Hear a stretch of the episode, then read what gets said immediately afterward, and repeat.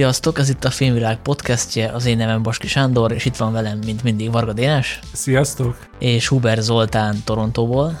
Sziasztok! Ez pedig itt az évtized összegző adásunk, adás sorozatunk 2017-es része, és nagyon jó lóra tett, aki bekapcsolódott hozzánk, és ezt, a, ezt az olcsó szóvicet majd az adás végére meg fogjátok érteni. Hát a kötelező kör ugye mindig az, hogy milyen volt ez az év, és én úgy láttam a letterboxos osztályzataimat átnézve, hogy ez egy elég jó év volt, tehát több olyan film is volt, amire majdnem öt csillagot adtam, négy és fél csillagot, úgyhogy nincs, nincs rá okom, hogy panaszkodjak. Mondjuk volt ezek közül a filmek közül sok, ami azt hiszem, hogy talán az előző évből csúszott át a, a 2010-es toplistámon, de ettől függetlenül itt most nagyon nehéz dolog amikor ki kellett választanom, hogy melyik filmet hozzam a, a nagy megbeszélésre. Nektek mi a benyomásatok erről az évről? Hát én onnan indítanék, hogy most volt a legnehezebb kedvenc filmet választanom. Abban teljesen egyetértek, hogy so, sok a, a kiváló, már-már remek műnek is nevezhető alkotás 2017-ből, de olyan, olyan nem volt, amire rögtön azt éreztem, hogy ez az én kedvenc filmem, mert mindig, eddig mindig ez volt a fő szempontom, hogy olyat, olyat tudjak hozni, amiről így nagyon nagy lelkesedéssel is őszinte rajongással tudok beszélni. Végig egy olyat találtam, ami a szívemnek nagyon kedves, de azért nem akarok többet spoilerezni, de azért az, hogy, hogy mestermű, azért azt csak úgy óvatosan tudom rámondani. Nekem meg pont az volt, hogy talán ez volt az egyetlen év, amikor egyből tudtam, hogy mit fogok hozni. Egy olyan filmet hoztam, ami ilyen tényleg ilyen all-time nagy kedvencem lett, nagyon hirtelen, szóval itt ez nagyon egyszerű volt, de rengeteg jó film volt ebben az évben. Talán a, ebben az évtized összegző sorozatban ez az adás az, amikor nagyon sok filmről tudok nagyon jó dolgokat mondani, Úgyhogy ez talán a legerősebb év volt a, ebben az évtizedben, így végnézve a, a címeket, szóval nagyon-nagyon sok cím áll közel a, a szívemhez. És egyébként én is megnéztem a Letterboxdomat, és 145 2017-es filmet láttam, ami tök sok, de azon lepődtem meg, hogy nagyon sok filmet láttam kétszer vagy háromszor ebből az évből, ami talán a legjobban mutatja, hogy, hogy ez egy erős volt. És úgy, hogy nem most néztem újra, tehát hogy, hogy újra néztem annó is, mert hogy tényleg ilyen, ilyen négy-öt csillagos filmek. Úgyhogy ja, ez egy szuper év volt. Én annyit még azért hozzáfűznék, hogy ugye mindig azt mindig szok, van ez, van ez a már, már kritikusi közszáj, hogy, hogy nem érezted elég erősnek azt az évet filmes szempontból, akkor egyszerűen csak nem láttál elég filmet ezt általában mindig igaznak szoktam mondani egy év kapcsán, és most lehet, hogy csak azért érzem ezt, mert, mert én ugye ebbe az évben az év egyik jó részét utazással töltöttem, és sokkal kevesebb filmet néztem, mint ti. Tökéletes is volt visszagondolni erre az évre, hogy nekem a, a filmnézés, meg maga a filmmel való foglalkozás, az mindig betöltötte, nem tudom, az életemnek egy jelentős részét, és akkor ebből egy, egy nem azt, azt hiszem 8 hónapra egy kikerültem, és tök jó volt visszatekinteni arra, hogy most is írgattam magam listákat, hogy miről kéne beszélni, és, az a, és a, a filmek, amiket láttam, azokhoz mindig, mindig beugrott egy ázsiai helyszín, ahol láttam. Tökéletes így visszagondolni, így párosítani a filmeket, hogy a 2017-es filményének egy jelentős része az utazáshoz kötődik, és nagyon erősen megvan a helyszín. Sokszor maga a helyszín el is homályosítja azt, hogy maga a film milyen volt. Tökéletes volt így, így, így magamban rendszerezni ezt az évet. Jó, akkor kezdjük gyorsan a szokásos menetrend szerint a box office-szal. Dénes, te vagy a mi helyi box office szakértőnk. Köszönöm Mik voltak szépen. az év legnagyobb sikerei, bukásai, csalódásai? Hát akkor fel is veszem a, a dollárjeles szemüvegem, és akkor mondom is. Ugye, ahogy aztán megszokhattátok, meg a hallgatók is ugye gondolom emlékeznek rá, hogy a globális top listával kezdem, hogy mi volt ez a film az első tíz pontosabban, ami a legtöbb pénzt hozta, jelen esetben 2017-ben, és hát se, semmi meglepő nincs az első érzetben. Ugye 2017-ben jött a, a legújabb Star Wars trilógiának a középső darabja, az utolsó Jedi, ami 1,3 milliárd dollárral az első helyen ö, első helyet érte el. Ezt a filmet több podcastben is érintettük és kitárgyaltuk. Igazából én most csak arra mutatnék rá, hogy hogy miért van az, hogy ugye pár napja a Disney előjött az új Star Wars ötleteivel, és az, az mondjuk több mint 90%-ban sorozat, és nem mozifilm. És ha megnézzük ennek a Star Wars trilógiának a bevételeit, itt a, a trendet érdemes figyelni, hogy, a, hogy az első rész ugye ugye pontosabban ugye a hetedik, hogyha sorrendben nézzük, az 2,1 milliárdot hozott, ez az utolsó Jedi 1,3 milliárdot, és ugye két éve későbbi a Skywalker kora már csak 1,1 milliárdot. Ez 1,1 milliárd is ugye egy akkora bevétel, ami a legtöbb stúdió ugye két kezét összetenni érte, de itt viszont ugye egy meredeken csökkenő vonal van, és gondolom ezért is érezhette azt a Disney, hogy hogy valamit változtatni, változtatni kell a Star Wars brand kiaknázásában, és én most látva tényleg ezt, ezt a csökkenő vonalat, erre is tudom azt visszavezetni, hogy ők most inkább át akarnak állni a sorozatokra.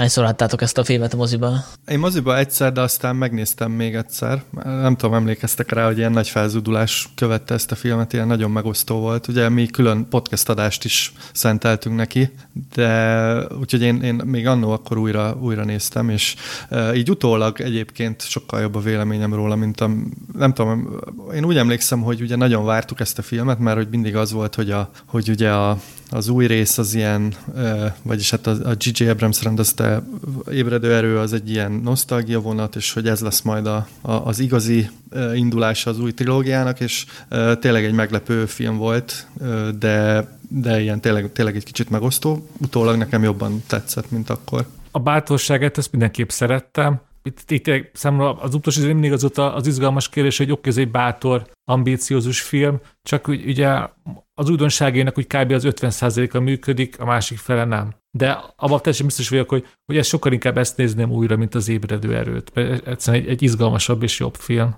Ja, abszolút, meg ugye az van, hogy nem tudom ti, hogy vettek vele, de hogyha ilyen esztelen gyűlölet áll egy filmre, amit, amit úgy érzem, hogy nem szolgált rá, akkor nyilván hajlamosabb is vagyok azt mondani, hogy akkor adok még egy esélyt neki, és akkor még inkább a pozitívumokra koncentrálok, nem azért, hogy trollkodjak azok, akiknek nem tetszett a film, hanem mert egy ilyen, ez ilyen ösztönös dolog, hogy, hogy, hogy egyszerűen ennyire nem lehet utálni egy filmet, tehát azt gondolom, hogy, hogy ilyenkor ott valami más is van a háttérben, tehát nem ilyen esztétikai problémák vannak a filmben, hanem valami más miatt az udult rá ez az utálat, és hogyha önmagában nézzük, nem feltétlenül csak ilyen Star Wars filmként, akkor, akkor ez sokkal inkább megállja a helyét tényleg, mint a, a J.J. Abrams első része, ami nagyon ügyesen fölmelegítette az eredetit, ami egy ilyen, mondhatjuk, mondhatjuk úgy is, rejtett remake volt, de nem akart semmit hozzátenni a trilógiához. Hát ez a gyűlölet olyan közel ért hozzám, hogy konkrétan az öcsém mert többször összevitatkoztunk az utolsó Jedin, és tényleg számomra azért öcsém az tényleg az, aki így van pár sorozatfilm, amit szeret nézni, ezt megnézi, de nincs benne ez a nagy rajongás a filmművészet iránt, és ehhez képest tényleg olyan, olyan mértéktelen gyűlölettel tud az utolsó Jedi-ről nyilatkozni, az engem is meglepett. Szóval ez tényleg létezik, és, ez, és, ez, és ez, ez a gyűlölet ez nem csak kommentek szintjén létezik, hanem tényleg az ember ezt úgy személyesen is elő tudja adni a másiknak, ami, ami tényleg egy meglepő, és szerintem szomorú dolog. Nagyon érdekes a, szerintem ennek az egésznek a tényleg a, a, a pszichológiai háttere, mert ugye a Gigi Adams, Abrams féle film az pontosan azt adta, amit így a, a rajongók elvártak, tehát az, amit mondasz, Sanyi, hogy egy ilyen abszolút áramvonalas, ilyen felmelegített valami. Ez a film meg, meg nagyon nem, és hogy pont ez vált ki gyűlöletet, ami szóval, hogy itt tényleg ez a befogadás kérdésköre, meg, meg e- egyébként a, a Star Wars rajongók egy ilyen érdekes faj, egy ilyen külön külön, nem is tudom, szekta, így a, mármint a kemény vonalasok a, a popkultúrán belül, úgyhogy ja, ez egy, ez egy érdekes jelenség volt nagyon, és szomorú is egy picit szerintem. Mit szóltak, hogy elárulom a második helyzetet tett a listán? Ez a, a szépség és a szörnyeteg, ugye a Disneynek a élőszereplős feldolgozása, ugye az egyik klasszikusának az újrafelmelegítése.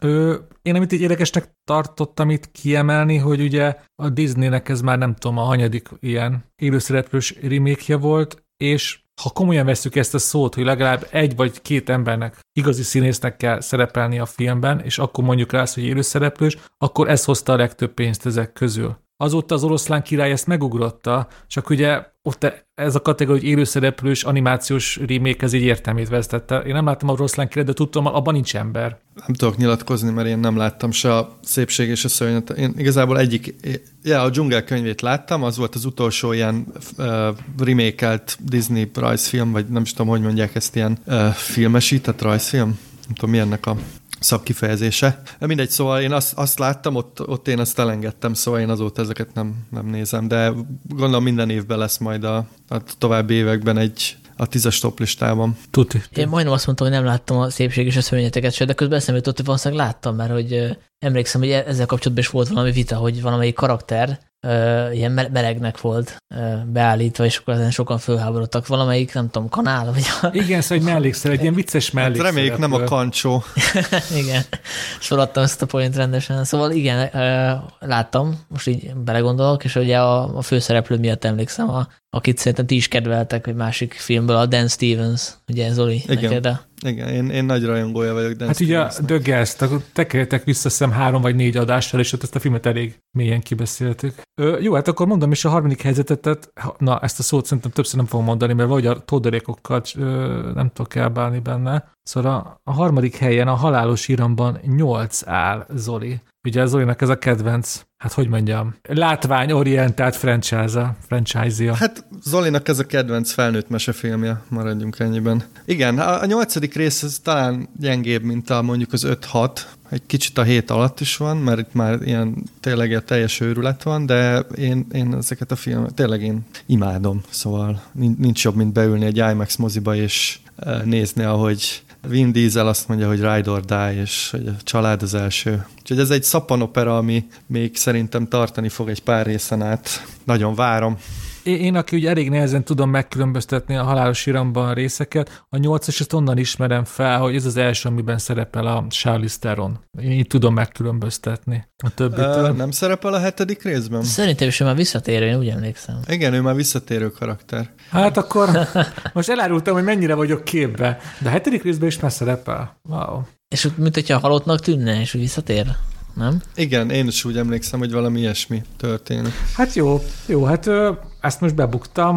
Most a halálos iramban rajongók most legalább annyira fognak gyűlölni, mint a Star Wars rajongók az A utolsó. nyolcadik rész szerintem úgy lehet megkülönböztetni a többitől, hogy ebben van egy hatalmas tenger alatt járós autós üldözés. Meg egy, meg egy a- jeges, nem? Az ugyanaz, Igen, Izlandia. konkrétan a sarkvidéken, azt hiszem valami sarkvidéken autók mennek, és egy tenger alatt járó tör át a jégen. és beugrott ezt, hogy ő is valamit így csak, hogy értek a filmekhez, vagy legalábbis olvasok róluk, azt Izlandon vették fel, ez most valamiért beugrott. Köszönjük, Dénes. Csak próbálom itt menteni magam. És a halálos iramban 9. részében is szerepelni fog, ami jövőre érkezik. A tenger járó? Charlize. Bocsánat. Hát igen, a Covid egyik nagy csapása, hogy uh, ezt a filmet is eltolták, pedig én már, uh, itt már indult a jegy elővétel És ugye, márciusban, de zárója bezárva. és ugye itt is összevett, kíváncsi voltam, hogy hogy áll ez a sorozat, hogy milyen görbét írnak le egymáshoz viszonyítva a részek, és pénzügyileg a, a hetedik rész a csúcs egyébként, az másfél milliárd. A nyolcadik rész az, az kicsit, kicsit lejjebb ment 1,2-del, hát akkor majd látjuk, majd megnézzük, hogy mit tud a Egyébként, kilencedik. Ha szeretnétek, illetve ha hallgatók szeretnék, írjanak e-mailt, mert biztos szeretnék. Csináltunk egy, egy Fast and Furious podcastet, amikor végignézzük az összes részt, mert szerintem ez egy nagyon érdekes franchise abban a szempontból, hogy ugye ez a harmadik résznél ilyen mélypontra ért, aztán az ötödik résznél lett igazán sikeres, és a hetedik rész hozza a legtöbbet, szóval azért ez, ez a franchise életgörbéje szerintem elég különleges.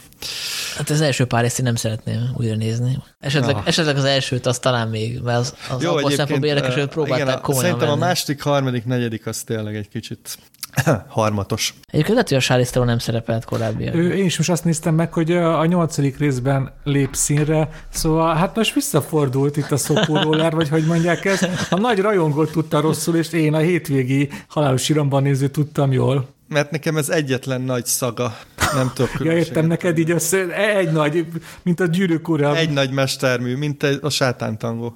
Ja, úristen, azért szerintem a, a halálos iramot és a sátátangot egy mondatba rakni, szerintem ez önmagában bravúr. Na de, na de, miatt még ide ragadunk itt a lóerőknél. Negyedik helyzet, Gru 3, 1 milliárd. Én erről többet nem is akarok beszélni. Tudjátok, Jó. Mennyire Lapozzunk. grúsok. Az ötödik, hely, az ötödik helyzetről viszont már többet, ez a, ez a Jumanji-nak ugye a felmelegítése, ugye Dwayne Johnson, Kevin Hart, ami szerintem egy, egy meglepően sokat hozott, ugye azért most minden évben van legalább öt ilyen remake, újraindítás, meg hasonló, és a, ami szerintem még nagyon fontos ennél a film, hogy, hogy ez megérdemelten. Ugye mondtam azt, hogy mindig a helyszínek ugranak be, a Jumanjit Tájföldön láttam, és a- Jumanjiban a legfontosabb emlékem az, hogy a, akkor derült ki számunkra, hogy a tájföldi mozikban mindig lejátszák a táj himnuszt, és mindig fel kell állni a filmek előtt.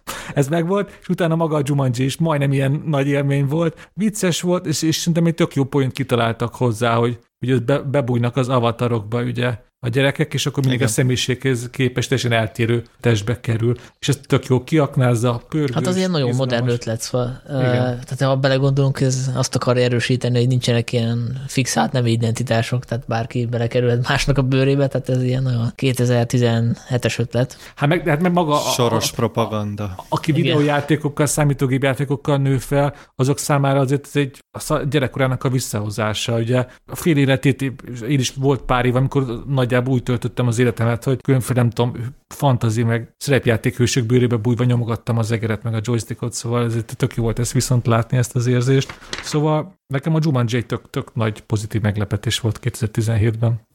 Én is nagyon kellemesen meglepődtem, mert ezek, ez a felmelegítésekkel általában csak a baj van, de itt az az ötlet, hogy ugye a társasjátékot videójátékra cserélték, és akkor ebből jön ez az összes többi ötlet, amit elmondhatok. Ez tényleg úgy, úgy sikerült korszerűsíteni ezt a filmet, hogy, hogy abszolút nem erőltetett vagy fájdalmas. És egyébként nagyon pörög a film. És már azóta készült is hozzá egy folytatás, ami szerintem annyira nem jó, de én azt is így, tehát ilyen tökéletes kikapcsolódás. És szerintem ezt arra ritkán szokták a Jumanji Jumanji-ról elmondani, de ennek a filmnek magyar operatőre van, ugye Pados Gyula, aki, ha jól emlékszem, Sanyi, kilek majd ellenőrizni közben itt bemondom itt a nagy tutit, de úgy emlékszem, hogy a kontrollt fényképezte, aztán kiment, és többek között ugye Jumanji, mai napig az egyik legnagyobb filmje, amit fényképezhetett. Amíg Sanyi ellenőrzi, megyek is tovább, mm, Pókember, Homecoming, ami gondolom Pókember hazatérés címet kapta itthon? Gondolom én. Uh, igen. Igen, igen. Ez a hatodik helyzet, és egyben az első szuperhős film a box office listán. És egyébként egy nagyon kellemes szuperhős film. A, ugye a Pókember is megért már jó pár ilyen újraindítást. Ez a hazatérés, ez egy ilyen nagyon könnyed, szórakoztató valami, ami szerintem nagyon illik magához Pókemberhez. És ugye ez egy híres Pókember történet alapján van, amikor ugye a kertvárosban nyomul, vagyis hát azt a részt is megidézi. És ha jól emlékszem, Michael Keaton a, a gonosz benne, ami Pontosan. szintén egy jó pont. Ja, és mondhatjuk talán ez a legjobb Pókember film, vagy nem tudom, ti hogy vettek el, de Ah, igen, igen. Jobban tetszett, mint a Tommy Maguire félék, bár nyilván az első is nagy élmény volt, pláne azért, mert ugye képregény rajongóként én is a Pókemberen nőttem föl, és először látni a, a moziban a, a gyerekkorom egy Dick Evans karakterét, az, az élmény volt, hát azt nehéz felülírni, de hát nyilván a, a Marvel azért az látszik, hogy jól érte ez a, ez a szuperhős történetmeséléshez, és ugye itt a, van egy ilyen kis vicca, vagy nem vicc, csak ilyen kikacsintás a címbe, hogy hazatérés, tehát hogy itt arra akar utalni, hogy hazatért a Marvel istálóba a pókember, tehát szerintem ez egy tök vicces gesztus, hogy ezt bevállalták. Hát én azért hagy, hagy fogjam pártját Sam Raimi-nek. Ha most így gyorsan azt kell mondanom, a legjobb pókember film, anélkül, hogy most újra nézném őket, mert persze úgy lenne igazságos, én akkor a, a, a Pókember 2-t mondanám, ugye a Toby Maguire és a Sam Raimi féle feldolgozásnak a második részét. Nem ebbe táncol a Pókember? Az már a harmadik. Yeah. Hetedik helyzet, a lista aztán legkülönösebb tagja, az a Wolf Warrior 2. Jó, sőt, ez a cím nem mond nektek semmit? Nem. De én azért mond nekem valamit, mert hogy pont a múltkor olvasgattam a kínai piac és Hollywood viszonyáról. Ugye a decemberi filmvilágban is van egy cikk, ami annyira tetszett, hogy elkezdtem utána olvasni, mert hogy biztos ti is figyeltétek, hogy egyre több kínai helyszín és Igen. kínai karakter bukkan fel a nagy hollywoodi filmekben, és ugye a, a másik nagy balhé, ugye, vagy hát nem volt balhé, de a Mulan az már a, teljesen a kínai piacra készült, az élőszereplős Mulan. Én még nem néztem meg, de állítólag nagyon rossz annyira, hogy, a, hogy ellenmondva a önmagamnak, mert ugye az előbb még itt a élőszereplős Disney filmek sikeréről tárgyaltunk, de hogy az pont megbukott, mert hogy annyira kína komfort, hogy a, az amerikai nézőknek már nem vette be a gyomra.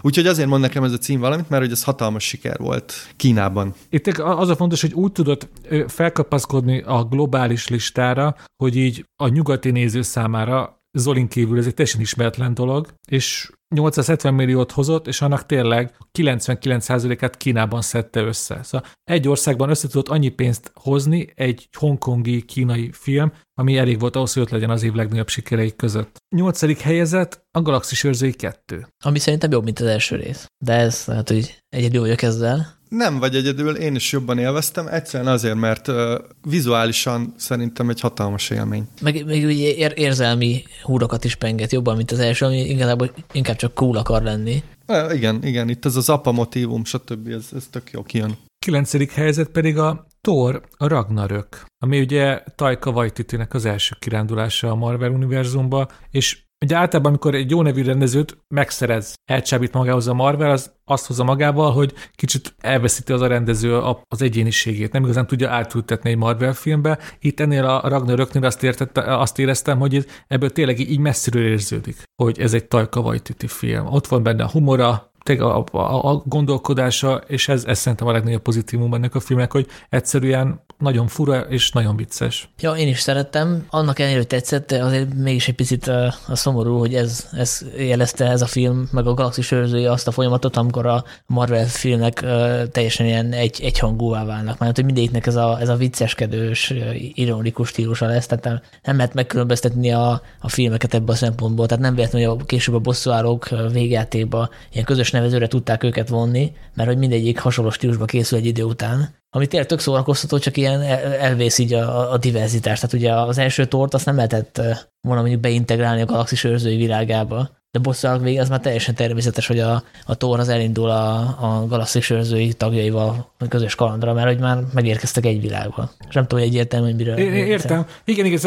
ezt, ezt talán érdemes aztán külön választani, hogy igen, ezt önmagában a film jó, de hogy te is elmondod, hogy, hogy ebből a, ez is egy ilyen nagyobb receptnek a része, amit én az egy egyéniség kiveszése. Ez egy tök ellentmondás és tök izgalmas, hogy amit Taika Waititi jól csinált, az az összképen viszont rossz, ront. Igen, hát megint a Ákos örökbecsűs hozhatjuk, hogy nem biztos, hogy jót tesz neked, ha kiszolgálják az ízdésedet.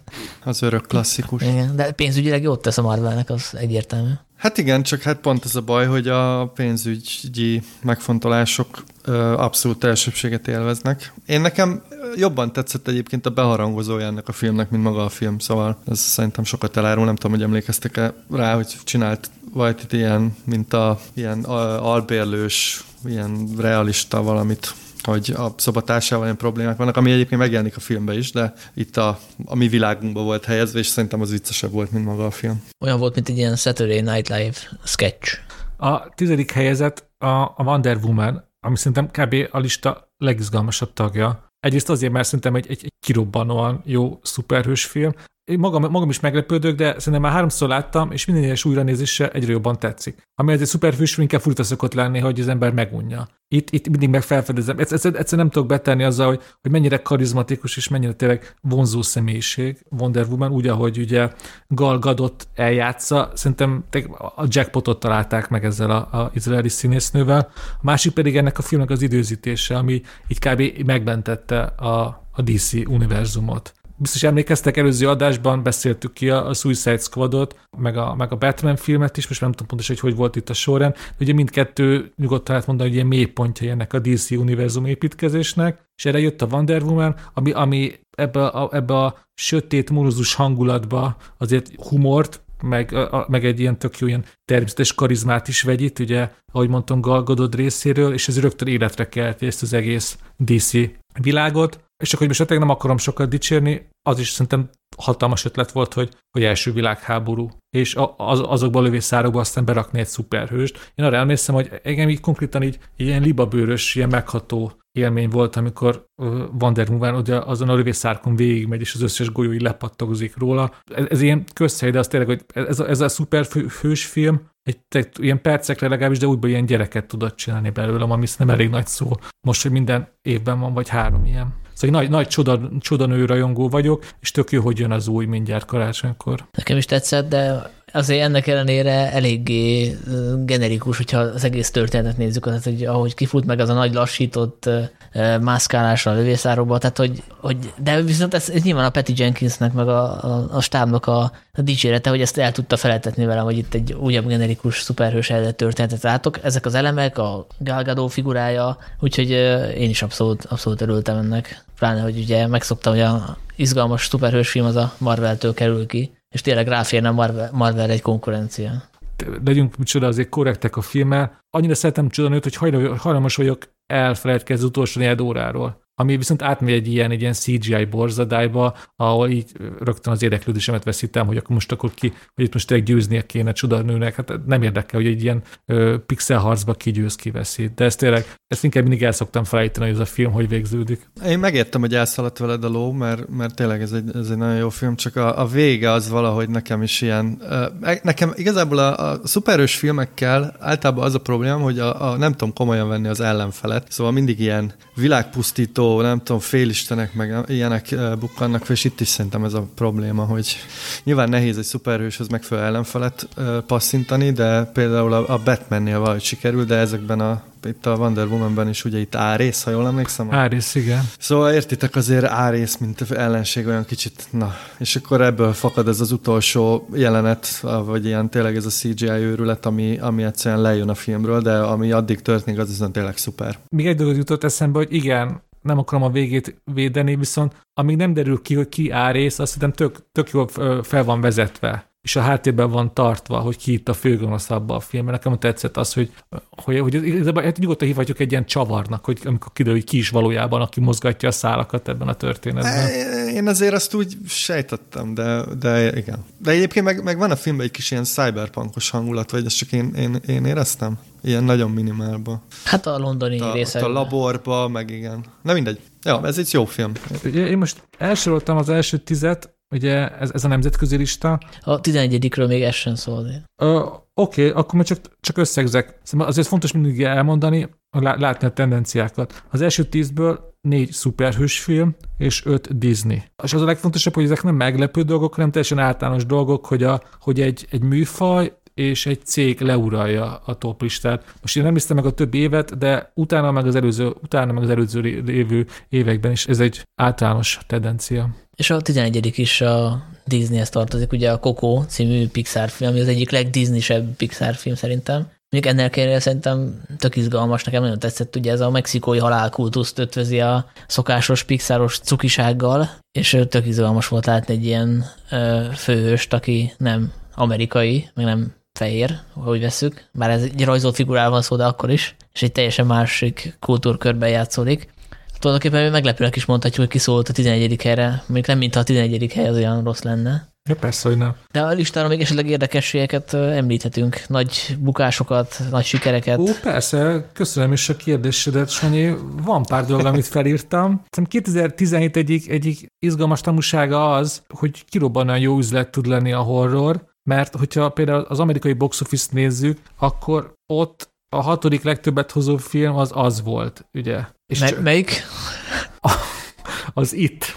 A, a híres, az, az egyik leghíresebb Stephen King regénynek az adaptációja, és csak hogy érezzétek a, a siker nagyságát, az a film 35 millióból készült, és 700 milliót hozott, ami hát egy elég... De én es, egyébként, bocsánat, nem akarlak így, ki, így okoskodni, de az ez nem 2017 tanulsága, hogy a ja, persze, horror kevés, nem. kevés pénzből készül és hatalmas összeget hoz, mert ugye ez a horror egyik ismérve, a horror ezért tud nagyon gyorsan reagálni mindenféle izgalmas társadalmi jelenségekre, úgyhogy szerintem a 2017-ben volt azért pár jó jó horror, meg, meg pár olyan horror, ami, ami nagyon, uh, szerintem nagyon aktuális volt, de erről majd gondolom beszélünk. De Zoli, teljesen igazad van, szerintem amit, ez, ugye, amit te is mondasz, hogy minden évben van olyan horrorfilm, ami mondjuk elkészül, nem tudom, egy millióból, és aztán Igen. hoz százat. Most, most viszont az, az arányok változtak, mert az, olyan azért elég ritkán van, hogy egy, hogy egy horrorfilm bekerül a, a legnézettebb tízes listára mint például az az. Sőt, ugye ott, ott van, a, amit majd ki, később akarunk kitárgyalni, de nem ide is hírik, hogy a, hogy a tűnyel, a Get Out, az 4,5 millióból készült, és 255 milliót hozott, ez is ugye egy, egy hatalmas nyer, nyeresség, és ez nem csak pénzügyileg volt sikeres, hanem a, a Sight and Sound konkrétan kihozta a 2017 legjobb filmjének, és a kritikusok is tényleg éjjenezték, majdnem, hogy egyöntetően. Szóval én úgy érzem, hogy, hogy igen, van az az általános dolog, hogy sok pénzt lehet keresni a horrorból, de még ezen belül is 2017 egy ilyen, egy ilyen jéghegy volt, ami kiemelkedett ebből. Igen, meg én úgy emlékszem, hogy az aznak a, a költségvetés is azért nagyobb volt, tehát az nem egy ilyen... 35 millió volt. Szóval ez egy ilyen klasszikus mid, mid-budget film, de mondjuk azért a, a regény maga az, az azért elég ismert, meg, meg Stephen Kingnek a neve is azért Amerikában, Amerikában is elég vonzó. Ugye a sikerek után mindig jönnek a kudarcok. Szerintem, szerintem most én csak én köztes kategóriát hagy mondja ki itt címszavakban, amiket azért túlzás lenne kudarcnak mondani, de azért azt se lehet mondani, hogy ott boldogak voltak a stúdiónál. Ugye a globális listán, pontosabban az amerikai listán lett 11. helyzet ugye a Justice League, ami szerintem így önmagában nézve fura, hogy az a DC film,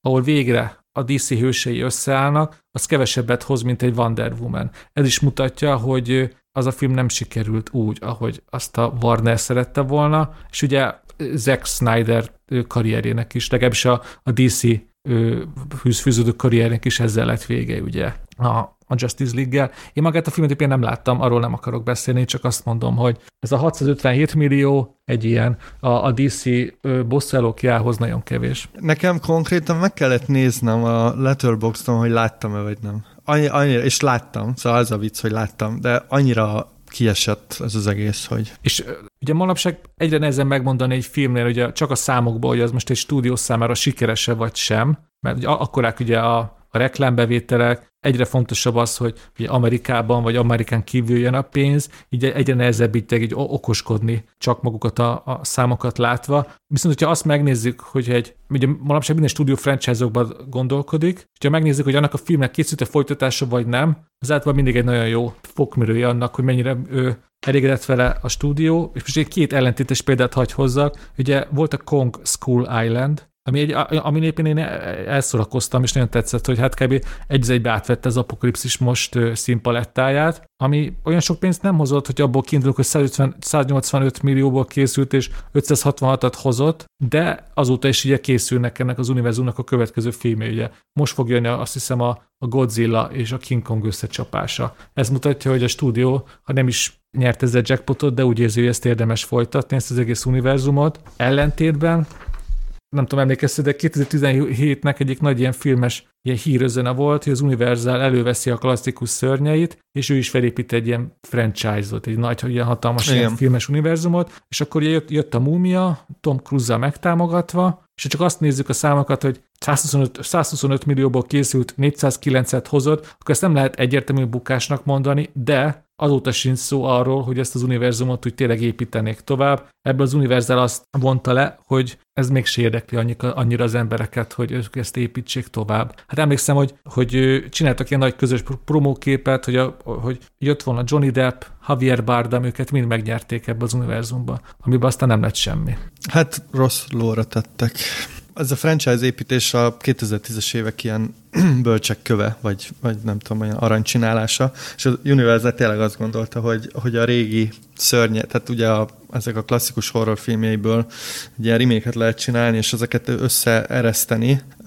Én megnéztem ezt a múmiát annó, és, és tényleg, tényleg nagyon, nagyon fájdalmasan unalmas volt. Úgyhogy nem, nem is értem, hogy ezt hogy, hogy gondolták, mert hogy nem volt semmi stílusa, vagy semmilyen azon kívül, hogy egy ilyen generikus újrázás. Hát én úgy mondanám, hogy ez már akkor a fokára hágott ez az őrület, hogy már abból is franchise-t akarnak csinálni, aminek nincs semmi létjogosultsága. Például 2017 egyik legnagyobb bukása az a Guy Ritchie féle Arthur király volt, ami egy egybe úgy épült fel, hogy ő bemutatja ugye a kerekasztal lovagét, és akkor majd jönnek a következő részek, tudjátok, kalandoznak a lovagok. Csak aztán ugye olyan kevés pénzt hozott ez a film, hogy ennek, ennek az egész ötletnek, ami szerintem erre egy hanvába hult ötlet volt, lőttek. De úgy nem volt rossz az a film szerintem. Hát, jó se volt. Na jó, ezen egy jutunk vitát, mert így is hosszú lesz az adás. Akkor most már csak tényleg három film, ami nagyon keveset hozott a kasszánál, és utána befejeztem. Talán emlékeztek rájuk, Valérian és az Ezer bolygóvárosa, egyértelmű bukás. A Sötét Torony, ugye egy másik Stephen King adaptáció, kínos teljesítés a kasszáknál, és Ghost in the Shell, az is megbukott. Ezek közül három, tehát a, háromból kettő szerintem megérdemeltem, de én a Valérianen tök jól szórakoztam, egy nagyon bátor film volt, tehát egy nagyon Luc Besson elővette a régi uh, ényét még a ötödik elemből, és nagyon uh, elborult dolgokat álmodott a vászorra. Kicsit zavaros volt ugyan a sztori, és lehet, hogy a főszereplő választása volt a legtökéletesebb, főleg ami a férfi főszereplőt illeti, már nem is jut eszembe a neve a srácnak, nem volt annyira emlékezetes, de attól függetlenül szerintem az egy kellemesen elborult skifi. Kicsit ilyen old school 90-es évek. Igen, mert ilyen vizuál orgia, ami egyébként felül is írja szerintem a cselekményt. Tehát én most fogalmam sincs hogy miről szólt ez a film, csak ilyen képek azért beugranak. És ráadásul ugye tele van CGI-jal, ami valahogy még jól is áll neki, mert hogy ennek a CGI esztétikát így tényleg ilyen maximumra húzza, úgyhogy én is azt sajnáltam, hogy így el... Szerintem ez egy félre, félreértett film, ez lehet, hogy majd így visszajön ilyen campként mondjuk 20 év múlva, amikor már kellő távolságban leszünk ettől az egésztől. És befejezésnek még, még egy filmet akartam kiemelni, igazából ezt a sikereknél, kincsem ugye a nagy-nagy amerikai imádatunk erről hajlamosak vagyunk elfelejtkezni, de az elmúlt év, évtized legsikeresebb, már hogyha, hogyha a nézőszámot tekintve, az a kincsem volt. Fel is írta magamnak, 456 ezer ember nézte meg nagyságrendileg a magyar mozikba, ami egy, egy kiugrógan magas szám, és nekem olyat is meséltek, hogy, hogy ez akár még ennél is jelentősen több lehetett volna, hogyha a pláza mozik nem vonják ki idő előtt a filmet a mozikból, és nem engednek ugye utat a, a, az a szokásos amerikai premiereknek, mert, mert volt rá kereslet, jöttek volna még rá az emberek. Hát ez is olyan, hogy nem tudhatjuk, ezt mesélték, csak érdekességnek. Én felírtam egyébként, szóval Dénes nem a nagy amerikai imádatban fel van írva. Nagyon helyes. De hát a lo- lovas filmek 2017-ben jól szaladtak. oh, tényleg. Igen, igen, igen. Val- valamiért, valamiért ezt, ezt majd talán rá fogunk jönni, hogy 2017-ben nagyon sok rendezőnek valamiért lóhát, lóhátra pattant. Én egy farkost emelnék ki. A 15. helyen szerepelt a Logan, ami ugye a a rozsomák vagy a farkas nevű szuperhősnek a, a sztoria, és így innen nézve nem meglepő, hogy 15. hely, de onnan nézve szerintem ez kellemes meglepetés, hogy ez egy unortodox szuperhős film volt. Nem tudom, beszélünk-e itt róla, vagy majd később az Oscarnál. Szerintem beszélünk róla később. De én majdnem ezt a filmet hoztam a, a fináléba, a nagy válogatáshoz. Ez a magas helyezéstek annyit egyértelműen bizonyít, hogy nyugodtan lehetne több magas korhatárbesorolású szuperfilmhőst filmet készíteni, mert a nézők elbírnák, sőt, mi több, kedvelnék, néznék. Hát, hogyha passzol Igen. a adott karakterhez és a Loganhez, nyilván az passzol, hogy hogy törjenek a csontok, meg hogy hújjon a, a, az ellenfelek vére. Hát nem tudom, én, én, én azért megnézek egy olyan pókember filmet, hogy konkrétan megfojtja, meg kiszedi a szemét a, a, a, a tolvajoknak, meg a bankrablóknak, de lehet, hogy ezzel kicsit kisebbségben maradok most. Hát azért vannak olyan pókember sztorik, amikor élve eltemetik, meg hasonlók, szóval lehetne ilyen zombis vonalra, vagy nem tudom, valamire rámenni. De egyébként itt megint arról van szó szerintem, hogy a 15. hely lehet, hogy csalódás volt a, a stúdiónak, mert hogy itt a márka erről már beszéltünk, hogy ugye ami úgy sok pénznek tűnik, az, az lehet, hogy nem olyan sok az elvárásokhoz, hogyha van egy nagyon jól menő márked. Ugye ez a Star Wars kapcsán már beszéltünk róla, hogy egy milliárd is nagyon kevés, hogyha 5 milliárdért vetted a márkanevet.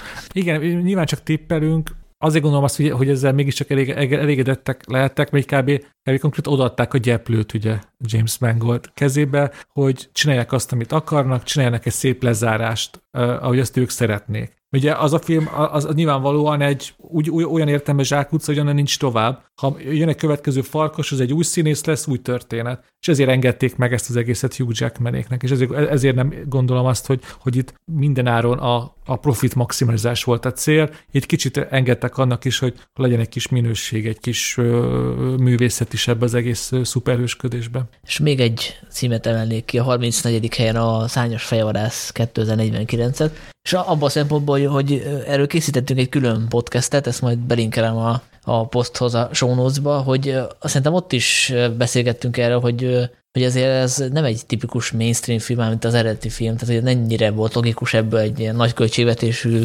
folytatást készíteni, amikor lehetett tudni, hogy nem fogja behozni a pénzt. De mondjuk ehhez képest arról is lehetne beszélni, hogy a 34. hely ezzel a 260 millióval nem is olyan rossz. Ő, itt a legfontosabb, amit tudni kell, hogy ez a film 150 millióból készült, és 260-at hozott. Ez, hogyha ha most nem lennék a filmnek nagy rajongója, én ezt bukásnak titulálnám, mert ugye a 150-hez még hozzáadódik a sok-sok marketing.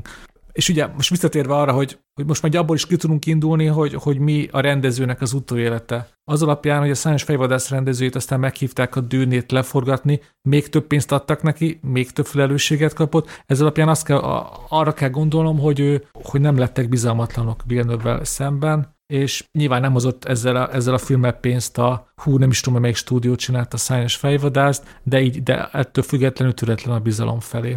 Igen, mert ez a film pénzügyileg bukásnak számít, azt lehet tudni, viszont nagyon jó kritikai visszhangot kapott, és nagyon sok listán szerepelt, szóval nyugodtan mondhatjuk, hogy ez a stúdiónak egy remek presztízs vagy PR, mert tényleg ez a film uh, ahogy Sanyi, te is mondtad, én most újra néztem, és most, most nagyon meglepett így harmadik újranézésre, hogy ez mennyire szabálytalan, uh, mennyire, uh, hogy mondjam, szóval ez egy, ez egy, ez egy minden szempontból unortodox uh, nagy látványfilm, és tényleg le a kalapa, hogy ezt bevállalták. Mert hát ő, ezt... ezt szerintem abba a, van még régebbi podcast, ezt már is sütöttem, de a kedvenc ilyen aranyköpésem a filmek kapcsolatban, hogy állítólag amikor volt egy tesztetítés még a stúdióban, először nem tudom, levetítették a kész verziót, akkor van még fejes azt találta mondani, hogy, hogy hoppá, mi most elkészítettük a világ legdrágább művészfilmjét. És ebben minden benne van, hogy akkor ebből nem lesz nyereség, viszont cserébe van olyat csináltak, amiből nagyon kevés van a világon. Hát az a fejes valószínűleg nem látta az eredeti filmet.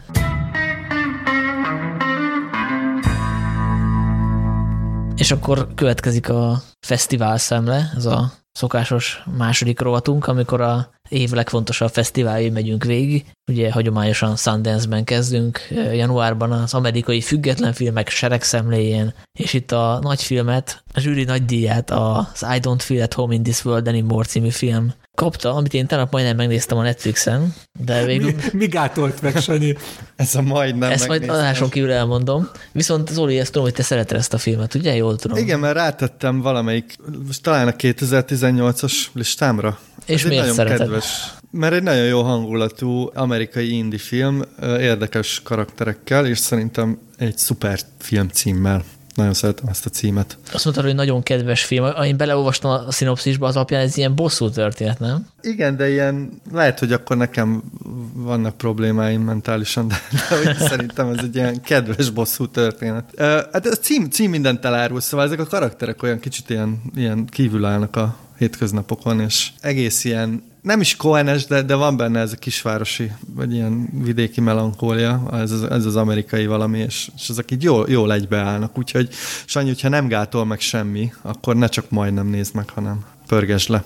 Megbeszéltük. Uh, Sundance-el kapcsolatban azt hiszem, hogy más nem is érdemes kiemelni, legalábbis olyan filmeket, amik, amiket láttam volna, nem, nem látok a, a listán, illetve annyit még, esetleg, hogy a rendezői díjat az az Eliza Hitman kapta a Beach Rats című filmért, aki, aki az egyik legjobban, kritikusok által legjobban körülrajongott filmet rendezte idén, a Never, Never Rarely Sometimes Always című abortusz filmet.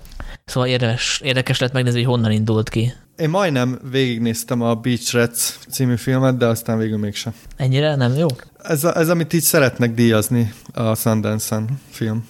Ilyen hangulatfilm. Engem nagyon emlékeztetett a, a, a, mondjuk a Moonlight-ra, csak, csak itt más a téma. Kásás képek, ön, mi ez? Önazonosságkeresés, szexualitás. Majd be fogom fejezni, szóval ez nem ilyen minőségi. Mm, na hát tök az adás, mert például most szembesültem azzal, hogy a 2015-es Sundance-en vetítettek, és éppen díjazták is a forgatókönyvét az Ingrid Goes West-et, ugye Aubrey Plaza, egy Instagram stalker játszik, egy, egy Instagram ő, celebnek, celebet kezd el üldözni ugye a rajongásával. És ezt nem láttam, és évek óta meg akarom nézni. Ezzel hadd kérdezem meg tőletek, hogy akkor most végre valahára vegyem elő ezt a filmet, mint nagy pláza rajongó?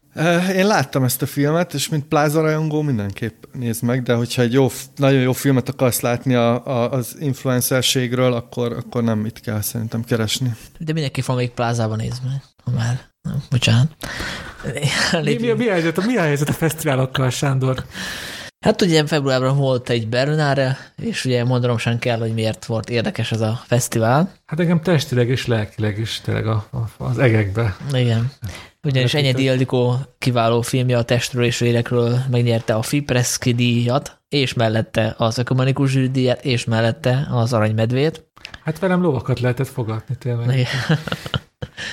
Úgyhogy nekem is az egyik kedvenc film ebből az évből, láttam azóta vagy háromszor, de kétszer minimum. Nem tudom, erről beszélünk-e még, esetleg az Oscar kapcsán lehet, hogy lehetne. Talán volt is azt hiszem külön podcast róla, vagy egy ilyen saláta podcast az év legfontosabb magyar filméről, szerintem ott elég sokat elmondtuk róla, hogy mennyi, mennyire szeretjük, vagy mennyire nem. Úgy emlékszem, hogy talán Zoli kevésbé. Igen, de aztán újra néztem azóta, most én már háromszor láttam, ugye. Addig nézed, amíg nem szereted meg, az így, így működik. Így. Nem, ugye egyszer meg kellett néznem szakmai okok miatt, mert ugye írtunk, vagy írtam róla a filmarchívumnak, és utána megnéztem még egyszer, mert másodjára már nagyon tetszett, és harmadjára meg még jobban, meg közben elkezdtem Petzolt filmeket nézni, meg régi Enyedi Ildikó filmeket nézni, és valahogy úgy ez a hangulat nagyon tetszik. Megtanultad Lehet, hogy, lehet, hogy fel, felnőttem. A díjazott filmek közül, amit én még láttam, az az Akika Urismaki A remény másik oldala, ami a rendeződíjat kapta meg. Ugye ez a híres finn rendezőnek egy ilyen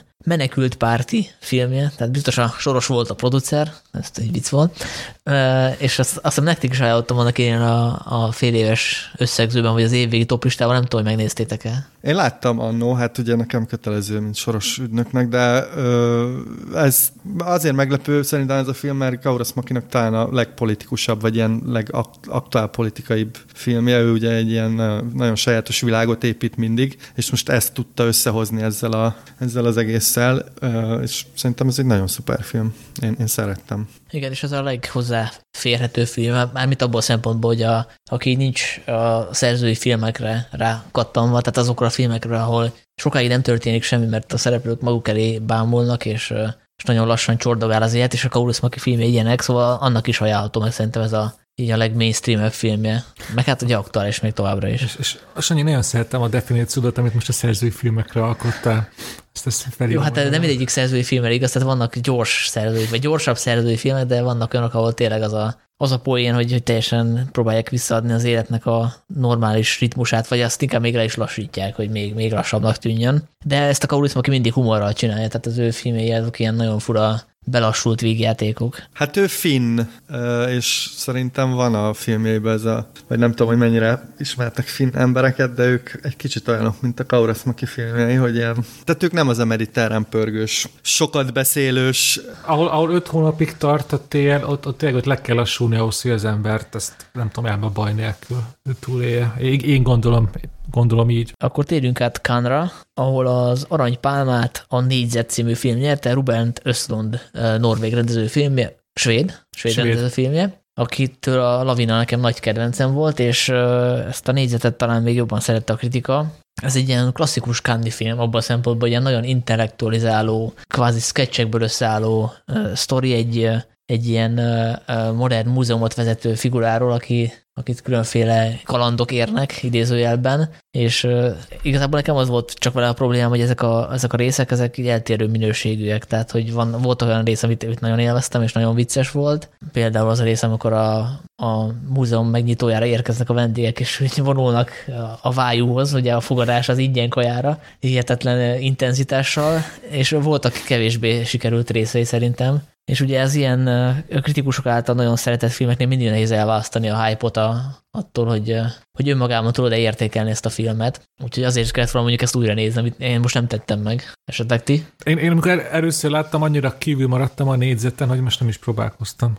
Hogy körön belül kerül? Vagy bocsánat, négyzeten belül kerül. Én nagyon szerettem a lavinát, és azt reméltem, hogy a következő filmem majd a négyzetére emeli ezt, a, ezt az egészet, de sajnos, sajnos ez a film engem nagyon, nagyon ledobott. Én úgy éreztem, mintha egy ilyen mesterséges intelligenciát ráállítottunk volna arra, hogy írjunk egy kritikus kedvenc ilyen, nem is kritikus, inkább ilyen zsűri kedvenc filmet, mert minden benne van, ami, ami ilyen, ilyen trigger, és emiatt nekem nagyon ilyen rideg, meg, meg nem, nem tudtam egyszerűen szeretni, szóval ilyen kiszámított, nagyon aprólékosan oda pakolt dolgok, és tényleg volt benne egy-két tök jó jelenet. Nekem még azt tetszett, amikor felszippantja a takarító a kiállított műalkotást, ugye ez abban van, hogy ilyen, ilyen ugye ez a Hát föltakarítja, a, nem? Igen, a, a, ez a kínai művésznek ez tényleg létező, ezek a porcelánból készült szotyó, szotyi magok, és akkor, szóval ezek ilyen viccesek, de hogy azért ez egy, egy egyébként egy hosszú film is, tehát hogy az sem tesz jót. De szerintem önmagában mindegyik rész tetszene, hogyha mondjuk ezeket így föltette volna a YouTube-ra ilyen negyedórás, ezeket a negyedórás sketcheket, akkor mindegyikre azt mondja az ember, hogy ez kurva jó. Ugye itt nehéz azonosulni a, a, a főhőssel, meg ezzel a szituációval, hogy hogy mennyire képmutató ezeknek a magas értelmiségieknek a világa, meg ahogy ők viszonyulnak, mert ugye ez, ez tőlünk szerintem távol van, tehát egyikünk se do, mozog ilyen körökben, meg hát az átlag mozinézőtől pláne. Igen, De szóval... egyébként egy csomó ilyen film készült a 60-as, 70-es években, ugye olasz filmek, ahol azt láttuk, hogy az értelmiségek vitatkoznak egymással, és itt tök izgalmas témákat dobnak föl, ez akkor, ma jó, picit korszerűtlen. De akkor azok az olasz értelmiségek vagy izgalmasabban vitatkoztak, mert ezek már tényleg, igen, azt hiszem, elérkeztünk azt szerintem a, atán ahhoz, hogy én miért nem tudtam ez a filmhez bárhogyan is viszonyulni, hogy, hogy annyira elidegenednek a film szerint legalábbis ezek a nyugati értelmiségek a, a való élettől, hogy egyszer már nem, nem érdekel, hogy mi történik velük. Hiába kritizálja a film ezt az egész életet, hogy a svéd múzeum igazgató, meg azok a patronusok milyen képmutató módon élnek. Ez, ez, ez egyszerűen engem nem érdekel, nem, nem, nem, tud foglalkoztatni, mert a film maga is elmondja, hogy igazából tévúton járnak, és csak ki kell őket nevetni. Okay. Szerintem itt, itt ilyen fontos tételek hangoznak ebbe a filmbe, vagy, vagy legalábbis az lenne a cél, de hogy ezzel átesik a ló túloldalára a rendező, mert hogy nekem nagyon, nagyon idegen marad az egész, tehát valahogy nem, nem tudok becsatlakozni. És, és így értem, tehát hogy racionálisan értem, hogy ez, mik vannak itt, meg ezek miért, miért fontosak, vagy miért, miért érdemes ezekről beszélni, meg értem a hasonlatokat, meg stb., de hogy nem, nem tudom szeretni, vagy nem, nem tudok vele menni. Igen, hát csináltak egy ilyen nagyon mesterséges filmet egy mesterséges közegről. Ja, de aztán simán lehet, hogy végig újra nézzük majd nem tudom 10-20 év múlva, és akkor így azt mondjuk, hogy basszus, de kurva jó megfogta ez a, ez a film a, a zeitgeist, tehát a, a korhangulatot a, a 2000-es évekből, a 2010-es évekből, amit akkor még nem is tudtunk megfogalmazni, meg nem is jöttünk rá, hogy ez mennyire aktuális. Én simán, simán el tudom képzelni. Ezt én is el tudom hinni, hogy akkor már izgalmas lesz, mert most csak azt tudom mondani, hogy aha, hát igen, igen, ilyen van. Akkor meg azt mondom, a 20 év múlva pedig, wow, ezt, ez, ez, jó, hogy most már ilyen nincs. Lehet, hogy 20 év múlva ezt fogjuk mondani, miközben nézzük, amit csinált a hát meg ugye az is megtörtént, hogy 20 év múlva mindhárman ilyen pozíciókban leszünk. De igen. Uh, ilyen beérkezett értelmiségi, uh, kiüresedett, uh, nem tudom, gazdag igazgatók, és akkor megnézzük majd ezt a filmet, és akkor azt mondjuk, hogy wow, ez rólunk szól. Hát ezt jó, hogy mondjad, mondjátok, mert pont tegnap hívtak meg a Bilbaui Guggenheim Múzeumba kurátornak. Elfogadjam szerintetek? Azért hátrébb a lovakkal is. jó, lebuktam, hogy csak kamusztam. A nagy díjat a 120 dobbanás percenként című film kapta meg, ami egy, egy ilyen megtörtént eseten alapuló film, a 90-es évek elején játszódik, és a a hív és az éjszeleni küzdelemmel kapcsolatos. Én ezt elkezdtem ezt a filmet nézni moziban, hát hogy már elmondtam podcastben, de elmondom most is, mert szerintem vicces, hogy ugye elhatároztam egy ideje, hogy ha valami nem tetszik egy film, akkor én kijövök, mert most tehát rövid az élet, tehát hogy minek töltse az ember az idejét ilyen filmekkel, és erős ki akartam, mindig elhatároztam, hogy kijövök, kijövök, na majd a következő jelenetnél, és a következő jelenet ez egy ilyen szexjelet volt, egy, egy meleg szexjelet nyilván, és, és hát úgy döntöttem, hogy, úgy döntöttem, hogy most nem jöhetek ki, mert azt fogják gondolni a, a nézőtől, hogy egy teltházas vetítés volt, nyilván rengeteg ismerősöm is van ott, hogy én most homok homofób vagyok, és azért akarok kimenni, úgyhogy megvártam azt a jelenetet, és utána azt úgy, úgy emlékszem, hogy megint egy hasonló jelenet következett egymás után. Úgyhogy várnom kellett, nem tudom, 20 percet, hogy ki tudja jönni a moziban, hogy ez a szomorú De figyelj, Sanyi, azért az se feltétlenül jó, hogyha megvárod a szexjelenetet, és utána mész ki. Mert? Mosdóba, hát érted? Most kimész egyből mosdóba egy... Annak is lehetnek, hogy mondjam. után annak is van egy olyan Igen, üzenetem. tehát akkor nincs jó megoldás, mint végül. Nincs jó megoldás, Igen. végig kell ülni a filmet. És utána mész ki a mosdóba. Igen, szóval nekem ez a film nem tetszett, de gondolom ti se láttátok, úgyhogy... Hát őszintén meg nem láttam. Megmondom őszintén, ezek olyan hívószavak, hogy nem... Ez egy, ez egy aktivista film, tehát ez, ez ünnepli ezeket az aktivistákat, ami tök jó dolog, tehát ez egy tipikus fontos film, amit oké, okay, tök jó, hogy van, de nem tudom, valahogy nem, nem fogott meg. A zsűri díját a Szeretet nélkül című film kapta Andrei Zviagnicev nevű orosz rendező, ugye, akiről beszéltünk már a podcastben, mert ő kiváló filmeket készített. A visszatérés volt például az egyik első nagy sikere. Hát és... meg a, a Leviatánt konkrétan ebben a tíz éves visszanéző Igen. podcastban is már említettük. Igen. Igen, és ez a Szeretet nélkül szerintem egy egész, egészen, egészen kemény filmje. Egy, egy gyerekről szól, aki eltűnik otthonról, és így a szülei először észre se veszik, aztán kiderül, hogy köztük is eléggé durván megromlott a viszony, úgyhogy ez egy nagyon kemény dráma, annak ajánlom, akinek erős az idegrendszere. A legjobb rendezés díját Sofia Coppola kapta a Csábítás című filmért, ugye ami egy uh, remake, és a, én az eredetit nem láttam, de nekem, nekem tökre tetszett az ő átértelmezése. Azt hiszem, hogy ez az amerikai polgárháború ideje játszódik, amikor a Igen. A melyik oldalon harcol a katona, aki betél? Ugye ő egy északi katona, aki megsebesült, és egy ilyen déli, hát lány otthonba fogadják be. Igen, és egy tök izgalmas ilyen pszichológiai játszma kezdődik. Hát a, igen, igen, szóval én is megnéztem, és, és Szerintem ez egy tipikus Sofia Coppola, Sofia Coppola film. Éppen most meglepődtem, hogy ez izgalmas jelzőt használod.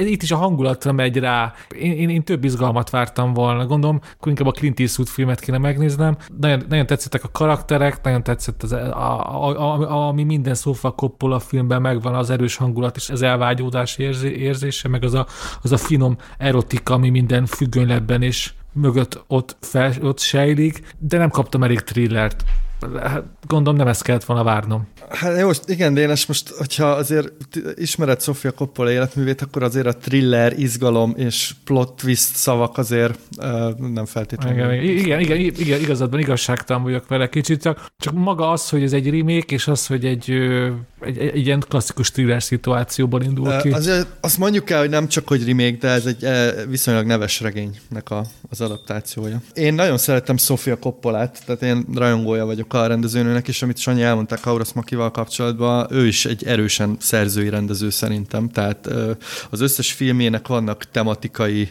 és stilisztikai hasonlóságai, tehát ugyanazt a, ugyanazt a világot szokta építeni, csak más-más környezetben, és mindig fontos a, egy ilyen erős központi, ilyen apapótlékként is működő figura, ami nem szorul bővebb magyarázatra, hogy miért, és én ezt a filmet is nagyon szerettem, úgyhogy én még nem csalódtam igazából Sofia Coppola filmbe, és szerintem összevetve a többi filmjével ennek a cselekménye valóban pörgősebb és fordulatosabb és izgalmasabb. Tehát itt konkrétan azért vannak, van, van, van egy, egy, egy ilyen thrilleres beütés, és történnek dolgok, míg azért van olyan Sofia Coppola film, ami, ahol szinte zéro a történés, tehát ezt úgy kell érteni szerintem. Ezt tök, hogy mondtad ezt a, hogy mennyire erősen szerzői rendező Sofia Coppola. Ez a film közben is eszembe jutott, de ez a ez a csábítás, ez, ez, ez ilyen akár ilyen testvérfilmje is lehet az első filmének, az öngyilkos szüzeknek. Nekem az olyan eszembe jutott, mert ott is a, a nagyon erős női szövetségről szólt az a film, mint eddig is egyik fő tematikája az, hogy,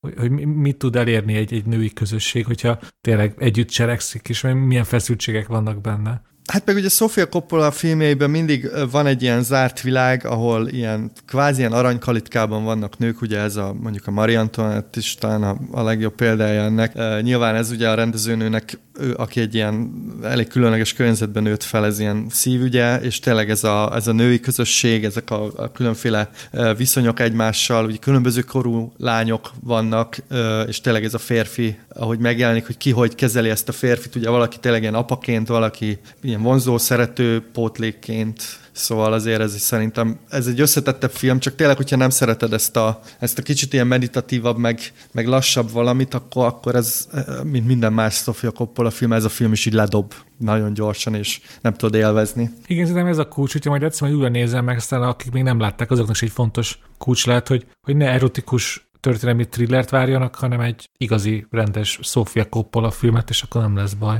Egyébként a hallgatók, ha szeretnék, akkor egy Sofia Coppola podcast, de én bármikor benne vagyok. Én amúgy kiindulva abból, hogy, hogy, hogy, hogy a filmvilágban milyen típusú cikkek jelennek meg, szerintem éppen több Sofia Coppola rajongó hallgat minket, mint a hány halálos iramban rajongó, de hát cáfoljanak meg. Nem tudjuk. Fölsok még pár kevésbé fontosnak tűnő díja, de csak azért, hogy a kapcsolódó filmekről essen szó. Például a legjobb női alakítás díját Diana Kruger kapta a Sötétben című filmért, amit én azért ajánlok, mert egyrészt a Fatih Akin című, Fatih Akin nevű rendezőt, aki ugye egy török származású német rendező, én őt eléggé kedvelem, vannak egy gyengébb filmje is, és ez a Sötétben azért érdekes, mert hogy egy elég égető problémába tenyerel bele a muszlimfóbiába, illetve hogy a, a törökök hogyan tudtak integrálódni a, a német társadalomba. Úgyhogy én ezt, ezt nagyon ajánlom mindenkinek. Egyébként ez egy úgy mélyen belül egy thriller, és egy nagyon erős erős a fináléja. A férfi alakítást ilyet a Joaquin Phoenix kapta a Sosem voltál itt című filmért. Az a kérdés, hogy erről fogunk-e még később beszélni. Oscarnál az előkerül? Nem, szerintem ott nem. Hát hajrás, én, én azért emlékszem, hogy ennek te nagyon eléggé, hát nagy, hat, nagy feketeves rajongója vagy ennek a filmnek. Erről csináltok egy külön podcastet, szóval ezt majd szintén belinken, úgyhogy erről most nagyon hosszan nem fogunk beszélni, ezt egyébként én újra is néztem tegnap, és uh,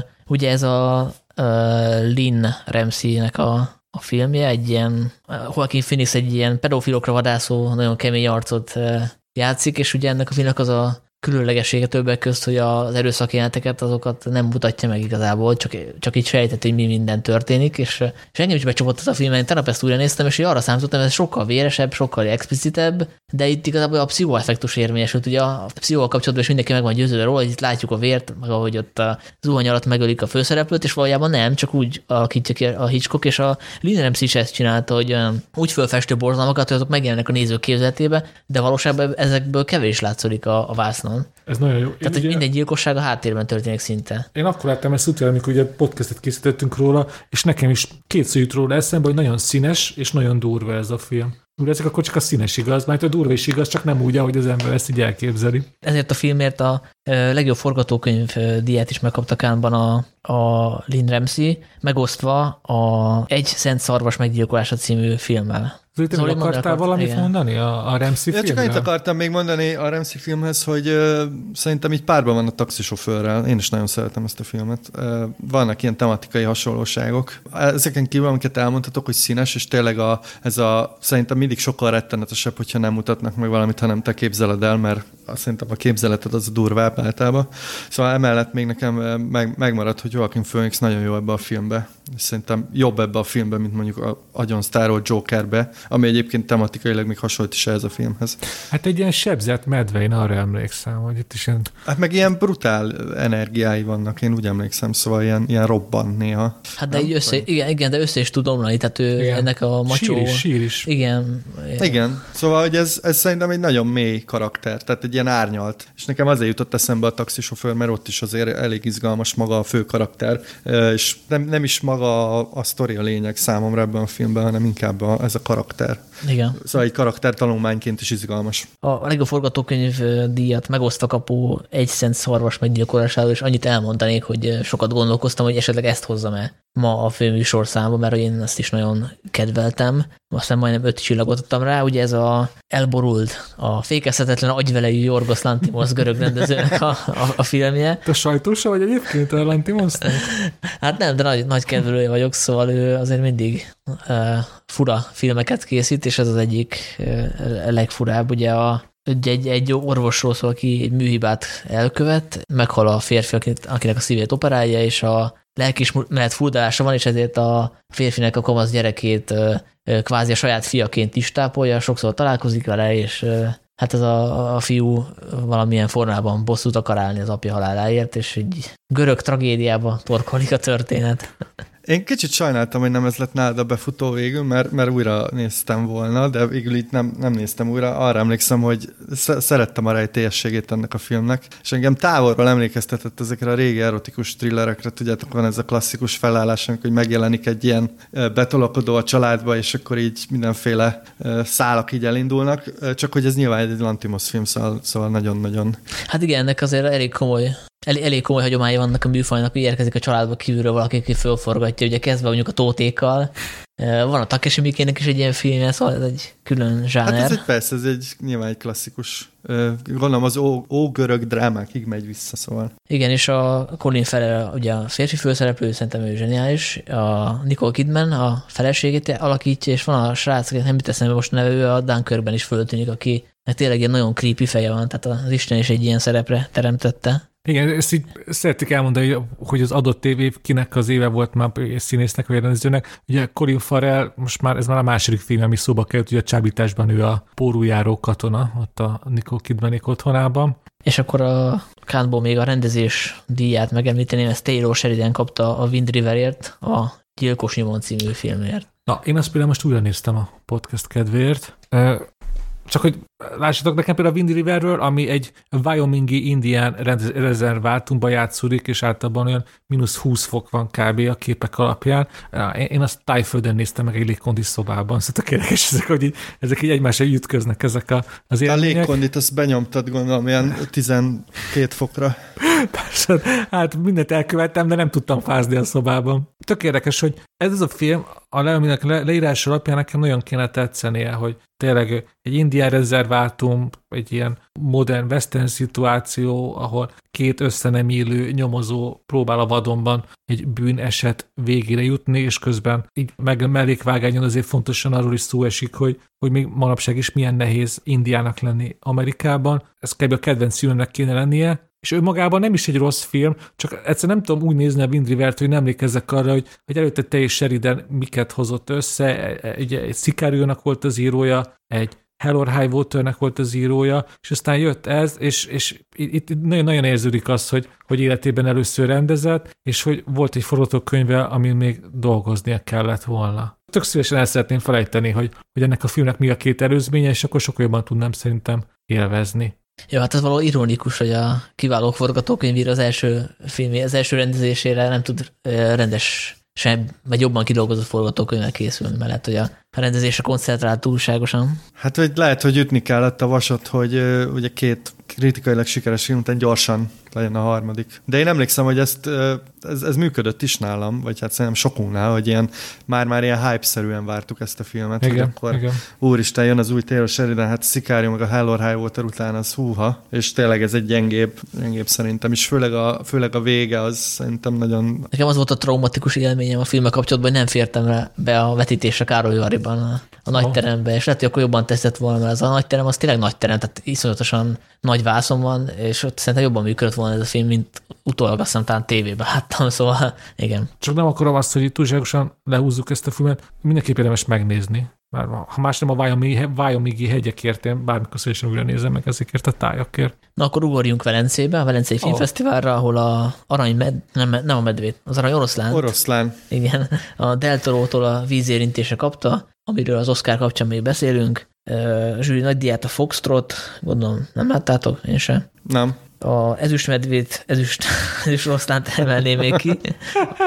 A Láthatás című e, ilyen vállásos drámát, ami a magyar moziban is megfordult, illetve a legjobb forgatókönyv diát a három óriás plakát ebben határában kapta, erős lesz majd szó. Illetve hát Toronto még, a, amit érdemes említeni, ugye Zoli új hazáját, ahol ugye nem osztanak hivatalosan díjakat, csak közönségdíjat, amit itt a három óriás plakát kapta. Ez a közönségdíj, ez mindig egy ilyen fontos előzmény annak, hogy ki fog az Oscaron aztán tarolni például.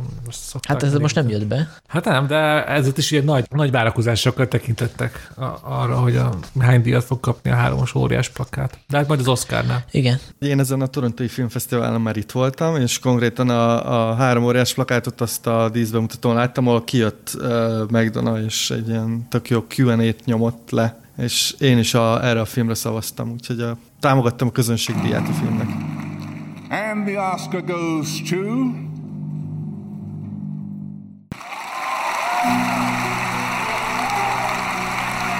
Akkor valóban térjünk rá most már az Oscarra, 2017-es, illetve 18-as Oscar, ugye, mert ezt mindig egy évvel később tartják, úgyhogy kapcsoljuk a szakértőnket, Návai Zoltán. Hát csak szeretném. Csak szeretném.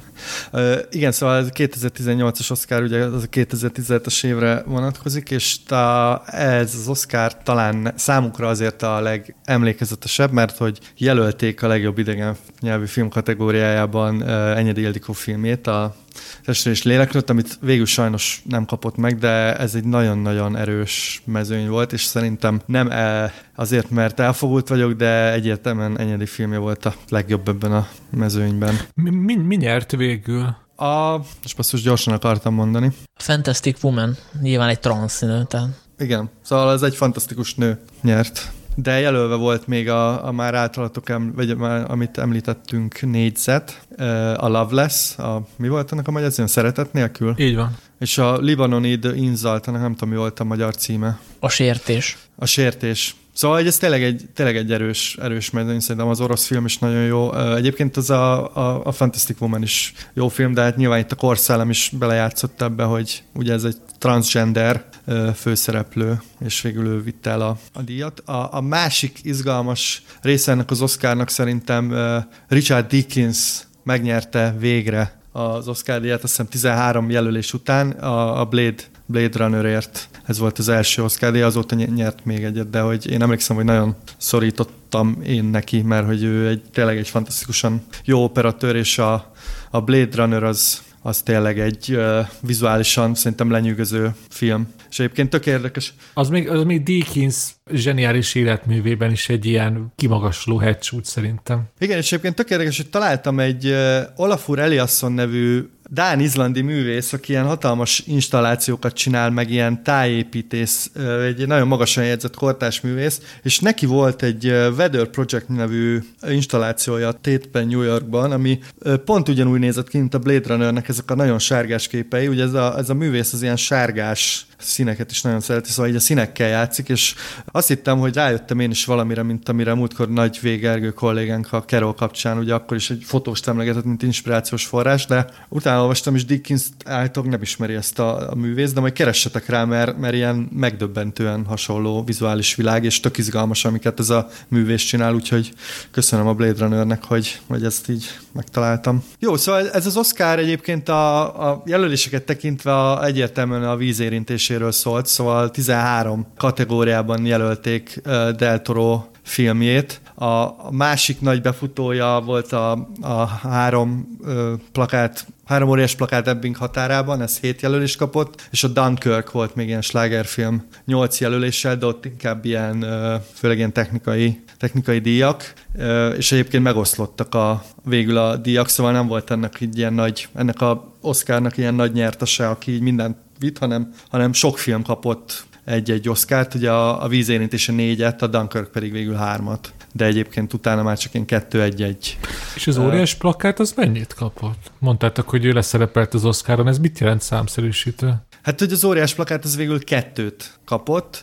Mondjuk fontos díjakat kapott, mert megkapta ugye Sam Rockwell a legjobb férfi mellékszereplő díját. Egyébként megérdemeltem, mert nekem ez a három óriás plakát, én ezt megnéztem azóta is többször, és nagyon szerettem ezt a filmet, egy kicsit talán teátrális, tehát hogy egy ilyen, tényleg egy ilyen nagyon megírt valami, viszont Sam Rockwellnek a karaktere, aki egy ilyen rasszista bunkóként indul, és szerintem elnyeri a megváltást, de nem úgy, ahogy szoktuk. Ez szerintem egy nagyon izgalmas vonulata a filmnek, nem tudom, hogy ti hogy vagytok ezzel. Én, én direkt újra néztem a podcast kedvéért, mert az az emlék élt bennem, hogy, hogy nem vagyok meggyőződve arról, hogy ez egy igazán jó film, és most már azt kell, hogy mondjam, hogy, hogy tényleg ez egy, egy, egy remek film. A teatralitást én is éreztem, én így hát időközben elfogadtam, hogy egy megfilmesített színdarabot nézek, és utána már nem zavart. Nekem ez egy, egy, egy bátor filmnek tűnt, ami sokszor tök váratlan dolgokat húz. És ez, ez a váratlansága az, hogy aktuális, fontos témákat feszeget, ugye rasszizmus,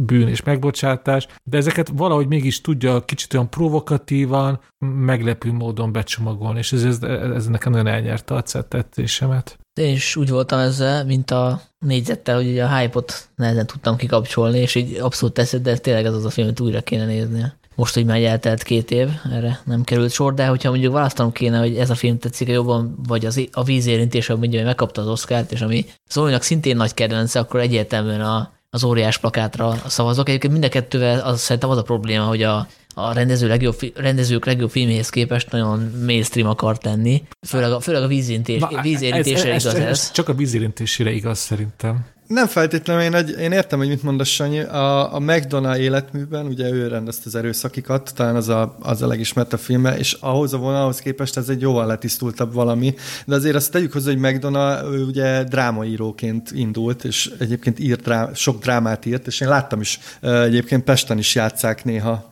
drámáit, szóval én láttam drámáit, és ez nagyon hasonló ahhoz tényleg, viszont szerintem tényleg, tényleg egy ilyen, itt is azért benne vannak olyan témák, amik, amik amik túlmutatnak ezen az adott ilyen, nem is tudom, ez a rasszizmus kérdése vonalon, meg ezen a vidéki Amerika vonalon. Úgyhogy én ezt a filmet nagyon szerettem. És egyébként szerintem még fontos, hogy most egy Sam Rockwell-t ugye kiemeltük, de azért ebben a filmben játszik egy Woody Harrelson. Egyébként szintén jelölték legjobb férfi mellékszereplőként, szóval ebben a kategóriában két, két jelölt is volt a, az óriás plakátból, és ő is nagyon jól játszik, mert ugye a főszereplő nő Frances McDormand, aki meg is kapta a, ezért az Oscar, szóval ez a két Oscar, két színész, ő is nagyon szuper benne, szóval azért a színészek szerintem elemelik ezt a filmet a, erről a klasszikus ilyen Oscar bait commerce vonalról. Én meg, amit mondod, itt te is mondtad, csak azt ezt szeretném hangsúlyozni, hogy, hogy mi adja az izgalmát ennek a filmnek, ugye amellett, hogy tényleg egy néha provokatív, tényleg ez, ez a tematikai sokszínűsége, hogy, hogy a rasszizmus mellett a gyászról is legalább annyira szól, pontosabban a, és a gyászon belül, hogy hogyan lehet kilépni a gyász állapotából, hogyan juthat el az ember a megbocsátásig. Szerintem ezek nagyon izgalmas témákat tud kellően mélyen és egymással vegyítve taglalni, és ez nekem nagyon-nagyon bejött. Amellett, hogy néha, néha még egyébként eszeveszetten vicces is tud lenni ez a film. Majd nagyon fekete humorral, ahogy azt a rendezőtől, a Zero rendezőtől megtudtuk, megszoktuk. De, de most szeretném kicsit viszont szídni a vízérintését. Már jutottunk oda, hogy szídhatom? Uh, akkor, csak akkor gyorsan, szóval, hogy a, a legjobb ah, akkor még ne szíd. járó Akkor még ne szídjam, Zoli? De szídhatod a, a vízérintését. A, ebbe a mezőnybe azért sokkal izgalmasabb filmeket is jelöltek. Szóval a legjobb film kategóriában jelölték például a Tűnyelt, a, amiről majd szerintem beszélünk még, a Lady Bird-öt, amiről szintén érdemes egy pár szót említeni, a Phantom szállat, ami ugye Paul Thomas Andersonnak, Andersonnak szerintem egy nagyon izgalmas filmje. Emellett persze jelölték még a Postot, Steven Spielberg idei ilyen klasszikus Oscar bait cuccát, meg, meg a Darkest Tower-t, ami a legsötétebb óra, ugye Gary Oldman Churchill alakítása, ami szerintem azért erősen vitatható, hogy na mindegy, ezt most zárójelbe. És a Call Me By Your Name-et, ami ugye a Luca Guadagnino, jól lejtem? Hú, hát én, én magyarosan Guadagnino-nak szoktam mondani, de arra leteszem a szentegsült, hogy nem így kell mondani. Szóval ez a, nem is tudom, me- meleg dráma, vagy mi ennek a... Szóval ugye... Ilyen coming of age meleg dráma. Coming of age meleg dráma, ami ilyen... A körtésfilm, nem? Vagy a... Ő barackos. Barackos, igen. Ne keverd, ez, ez, ez, ez, ez őszi barack. Én például most a podcast kedvéért megnéztem ezt a Call Me By német, és szerintem egy, egy, egy, egy egészen jó film. Most először? Most, most. Izgalmasabb olasz turisztikai promófilmként, mint Coming of Age meleg drámaként, de én szeretem az ilyen filmeket, amiket így el lehet nézelődni. Olyan értem még tudok neked adni, hogy most például nagy álmom elmenni lesz Észak-Olaszországba, mondjuk inkább nyáron, mint télen, de ahogy ez a film... Hát, talán, tényleg, igen. Ahogy ez a film tényleg, hogy fotózza Észak-Olaszországot, az tényleg gyönyörű. Őt mindenképp egy képes lap. Hát kivéve ugye, amikor barackot nyomogatnak benne, de, de igen, igen, igen, igen, szóval gyönyörű, gyönyörűen van fényképezve. Nekem a, azzal a filmmel az volt a probléma, hogy minden túl, túl könnyen megy. Szóval Hát biztos van ilyen, meg ez tök jó, meg, meg ilyennek kéne lenni minden szülőnek, meg, meg minden ilyen első szerelmi kapcsolatnak, de, de valahogy nekem ez így túl, túl szép, hogy igaz legyen. Ez, ez, ez nagyon izgalmas, amit mondasz, mert nekem egyébként pont ezt tetszett a filmben, hogy, hogy van egy srác, aki rájön a melegségére, és akkor ugye a klasszikus vonal, amit ugye az életből sokszor ismerünk, hogy, hogy akkor vannak a szülők, akik ha nem is kitagadják, de ezt, ezt nagyon nehezen viselik el. Itt meg kapunk egy ilyen, egy ilyen megértő szülő. De szerintem, szerintem ebben ez jó alá van támasztva a filmben, hogy, hogy, hogy, hogy, ez, hogy ez tényleg nem egy átlagos család, hanem ez egy, egy egyetemi tanár, művész kommuna, akik összejárnak. Szóval tényleg ez egy ilyen egy kizárt kör ott a nem tudom milyen észak-olasz tájban, és nagyon nagy szerencséje van ennek a srácnak, hogy oda született, és ez a viselkedésében látszik a, ahogy, ahogy így a szexualitásával azért elég gyorsan ugye rájön, hogy ő mit akar, hogy ez, ez, a, ez a neveltetéséből fakad a családból. Nekem tetszett ez a filmekben, talán a valóságban is egy elég szokatlan és könnyű útja. Na jó, akkor szidjuk a, a vízérintését, hogy a legjobb rendező kategóriában uh, Guillermo del Toro nyert ezért a filmért olyanokkal szemben, mint Nolan a Dunkirkért, Jordan Peele a Get Outért, Greta Gertwig a Lady Birdért, vagy Paul Thomas Anderson a Phantom Szálért. Most ebből az ötből áll, tényleg bárki izgalmasabb, mint uh, szerintem Del Toro. Uh, De ezt a filmet jelölted a év legjobb filmjének te. Úgy emlékszem, ugye? Nem, nem. nem. Én a három óriás plakátot jelöltem, ezt hiszem a második helyre tettem. Én nagyon szerettem ezt a filmet, én ezt Torontóban láttam, akkor még ennek a filmek semmiféle hype nem volt. Szerintem ez egy nagyon kellemes mesefilm. Én, én úgy fogalmaztam meg ezt hiszem annó, mert írtam is róla egy kritikát, hogy a Del Toro megcsinálta a saját Emily csodálatos életét filmét, és egyébként beletett még egy kis ilyen klasszikus 50-es évek szörnyhorrolt, meg ez a Fekete Laguna titka, stb. És tök aktuális témára is. Ugye 2017 volt a menekült krízisnek a talán a csúcs pontja, ugye akkor volt a, ez az egész probléma leginkább előtérbe, és én ezt a filmet úgy néztem, mint ez egy mese arról, hogy hogy mégis hogy kellene viszonyulnunk az idegenséghez. Úgyhogy én ezt a filmet nagyon szerettem akkor, most újra néztem, meg kíváncsi voltam, hogy olyan tévedtem, és én még most is szeretem, de értem, hogy, hogy miért uh, zúdult rá végül ilyen gyűlölet cunami az én véleménybuborékomban, mert hogy, mert hogy ez tényleg egy ilyen klasszikus vonalvezetésű, és így ki, ki is mondja ezeket a, a, a dolgokat, amiket most emlegettem. Na igen, most te nagyon, nagyon finoman beszéltél erről a filmről, hogy azt mondod, hogy klasszikus. Ez nem klasszikus, ez sematikus, ez, ez a film. Már-már közhelyeket súrolja. Én most nem néztem újra, én arra emlékszem, hogy egyben egy igazán eredeti hatásértő dolog van, és azért Deltorótól ennél többet várnék. Az, hogy konkrétan szexik fajul a, a, a néma takarítónő és a, a laguna szőnyek közti kapcsolat, az meglepett. Szerintem az nem következett a, a mesebeli kontextusból. Azon kívül viszont tényleg ez egy, ez, ez, ez egy nagyon-nagyon egyszerű mesefilm, és mondtad, hogy aktuális, és sajnos ezeket a aktuális témákat, ugye van, van, van egy meleg mellékszereplő, van benne ugye ez az idegen gyűlölet, ezt mind-mind elég csak az Oscar gálán körbenézni, és vannak filmek, sokkal izgalmasabban dolgozzák fel. Nyilván egy mesefilmtől ezt most igazságtalan számon kérnem, csak mondom, hogy nincs, nincs semmiféle olyan része ennek a filmnek, a, ami számomra nem azt, hogy az év legjobbjává emelni, hanem egyáltalán egy jó filmét tenni, vagy hogy Del Toro életművében egy, egy jobb fajta alkotásnak tartanám. Ez, ez egy középszerű, kedves mesefilm számomra. Hát próbált készíteni egy Oscar díjas filmet, és hát sikerült. Tehát szerintem ez lett a cél, hogy hogy egy ilyen picit generikusabb filmmel a mainstreamet is meghódítsa, mert hogy előtte azért a, a kritikusok szerették inkább, meg egy ilyen kult közönsége volt, tehát a, említeni mondjuk a Faul labirintusát, ami szerintem egy, egy iszonyatosan jó film, és uh, szerintem ő is tisztában vele, hogy azért ez egy más kategória, tehát egy uh, sokkal mainstreamebb, sokkal inkább a tömegfogyasztásra szánt, és a, a gics eléggé látványosan flörtörő film. Nekem egyébként még a, a Bíborhegy is jóval jobban tetszik, mint a, azt, azt se szokták szeretni Deltorótól. Igen, de eh, mondom, én nem véletlenül emlegettem ezt az Emily csodálatos életét, ami szintén szerintem egy borzasztó angicses film, viszont nagyon sokan szeretik, és működik, mert hogy mese. Tehát nyilván nem kell itt eh, komolyan venni, és mondom, én ezt a filmet annó úgy, úgy néztem, és engem így vitt, vitt magával, de én értem a sematizmus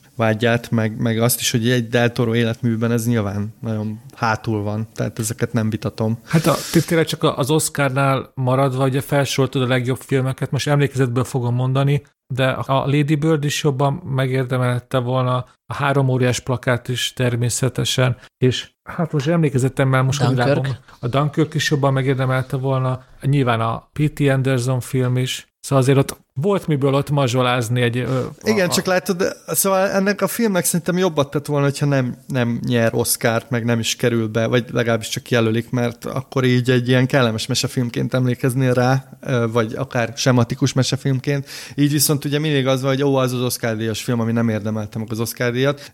Én még, érted, csak hogy azért mondom, én még szept, ezt még szeptemberben láttam, így fél éve az Oscar még az a filmről semmi nem volt azon kívül, hogy... Hm. hogy Jó, értem, hogy, igen. És akkor úgy tök jó volt. Lehet, hogyha én is akkor nézem már így az Oscar miatt, és akkor ezekhez a filmekhez hasonlítom, hogy tényleg basszus egy Dunkirkhöz, vagy egy Get Outhoz, vagy egy Phantom Szához, ez tényleg más liga, tehát ezzel egyetértek. Szerintem beszéljünk még a fontosabb filmekről, meg hogy az Hát idő. szerintem beszéljünk még akkor a, a, a, talán, amit érdemes kiemelni, ugye az a Get Out, ami lekapta a legjobb eredeti forgatókönyvdíját. Ugye ez Jordan Peele-nek az első rendezése, és ez egy szerintem egy nagyon, nagyon izgalmas filmje volt az évnek, nekem az egyik kedvencem, én gondolkoztam is, hogy esetleg ezt, ezt hozom, csak ezzel a filmmel is az vagy már én háromszor láttam, mert meg szerintem beszéltünk is erről is bővebben, nem? Valamelyik. Persze, közben. igen, persze. Szerintem mindenkinek tetszett.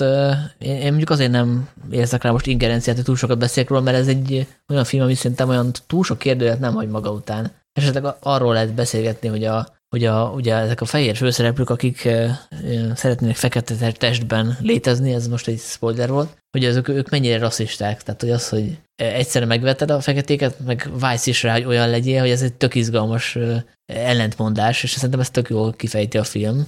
De erről szerintem beszéltünk már. Igen, meg ugye Jordan Peele, aki ismeri Jordan Peele-nek a, nem tudom, a sketch sorozatát, a, a Key and Peele-t, abban ez egy visszatérő téma, ugye tudni kell róla, hogy neki azt hiszem az édesanyja fehér, ugye, és az ap, apja fekete? Hát vagy fordítva, tök mindegy. Mindegy. Szóval ő ezt nyilván, nyilván saját bőrén is érzi, hogy ez milyen, és ez valóban a legizgalmasabb kérdés a filmnek, hogy amikor ilyen túl toleráns vagy, meg túl liberális, akkor vajon az nem ugyanaz-e, mint a, a kőrasszizmus. És a filmnek szerintem a legizgalmasabb vonása, hogy egy, egy ilyen klasszikus műfajt hogy tud áramvonalasítani és színesíteni. Uh, jó, hát ami még szerintem izgalmas film volt, és mindenképp beszéljünk róla, az a Dunkirk, ami Christopher Nolannek a második világháborús filmje, a cím is jelöli a Dunkirki ilyen kimenekítésnek a története, a, ami szerintem a cselekmény. Én, én nem láttam ezt a filmet azóta, de IMAX-ben borzasztóan élveztem, mert hogy ez egy ilyen idővel játszó nem is tudom mi erre jó szó, ilyen körkörösen építkező film, több nézőpontból mutatja be ezt a, nem tudom, hadi, hadi esemény, vagy minek nevezzük ezt. Éppen csatának is szokták, csak szimplán. Ami a ugye csata, egy... igen, mert végülis ez nem csata, mert ugye kimenek, kimenekülnek a... Hát ugye úgy a... csata, most akkor átmegyünk ilyen, ilyen múltkor történelmi magazin, ugye, hogy körbe zárják ott a tengerparton a az angol haderőt, ugye karitkába kerülnek, hogyha, hogyha ott maradnának, akkor az egy teljes megsemmisülés lenne, ugye lelőnék őket a megsemmisülők a németek, de a hajókkal ugye kimenekítik őket. És ez egy fontos epizódjává vált a, a 20. századi angol történelemnek, amire szeretnek úgy visszaemlékezni, mint egy ilyen, hát mint egy ilyen sajátos diadal, a győzelem a vereségben, hogyha értitek. Pűroszi a... győzelem, azt hiszem ez a szakkifejezés. Én ezt uh, IMAX-ben láttam elsőre, és óriási élmény volt. Most újra néztem kisebb képernyőn, és uh, kisebb képernyőn is működik. Volt a kétségeim, hogy esetleg az derül ki, hogy ez csak egy ilyen parasztvakítás, ami moziba működik csak, de abszolút uh, izgalmas volt másodszorra is. Tehát nem egy túl mély film igazából, tehát hogy ilyen túl sokat nem állít erről a konfliktusról, viszont uh, ilyen háborús akciófilmként szerintem tök jól működik. Nem kis részben a, a zenének köszönhetően, tehát nagyon, nagyon erős a, nem tudom, Hans Zimmer volt? Ö, igen, ez a ketyegésre gondolsz, ugye? Az Aha, a... igen, igen. Hát igen, Nolan, Nolan időmániája már ott a zenében is, ugye? visszaütközik. Én, én ezt Nolan óvatosan fogalmazni, Nolan jobban sikerült filmeik között tartom számon csak az a, az legutóbbiak hasonlítsam össze. Én a, a Tenetnél és a Csillagok közöttnél is sokkal jobban szerettem a, a Dunkirket. Ez az a film, ahol a legjobban ki tudta használni az erősségeit, amit őt rendezőként jellemzi, és a legkevésbé tolta elő, előre azokat a jellemzőit, amiket gyengeségeidnek is tarthatunk, és így, így jött össze az, hogy tényleg a csatára, a menekülésre, magára az akcióra, a fizikai részére tud összpontosítani, és abban tényleg hibátlanul hozza ezt az élményt. Ez egy, ez egy nagy mozis látványosság, én is moziba láttam, és tök jó lenne megint éppen nem otthon, hanem megint moziba megnézni. Hát akkor, ha már Dönkerk, akkor van egy kritikus kollégánk, akinek ez volt a kedvenc filmje ebből az évből. Ő is szerepelt korábban a podcastben, ezért kértük fel, hogy nyilatkozzon ebben a tájkörben, úgyhogy most ő következik. Sziasztok, én Csiger Ádám vagyok, és a 2017-es év szerintem legjobb filmjére mondanék pár szót. Két film közül vaciláltam, az egyik a Get Out, vagy magyar keresztségben a Tűnnyel című horror, a másik pedig a Dunkirk Christopher Nolan-től. Hajlanék rá, hogy, hogy az utóbbi a nagyobb teljesítmény, bár szerintem a, a Get Out egy, egy tökéletes film, ami nagyon jó bizonyítéka annak, hogy műfai filmek keretein belül is lehet nagyon komoly témákat boncolgatni. Viszont a Dunkirk pedig egy filmtörténeti jelentőségű csúcs teljesítmény, szerintem. ugye ez a film a második világháborús Dunkirki mentőakcióról szól, és az benne az érdekes, hogy a Nolan nem Ádámtól és Évától kezdi el mesélni a történetet a hagyományos hollywoodi dramaturgia szerint, hanem egyetlen helyszínt és szűkös időkeretet használ, illetve több karakter szemszögében mutatja be az eseményeket, és talán minden korábbi filmnél többet tud átadni a háború zsigeri élményéből.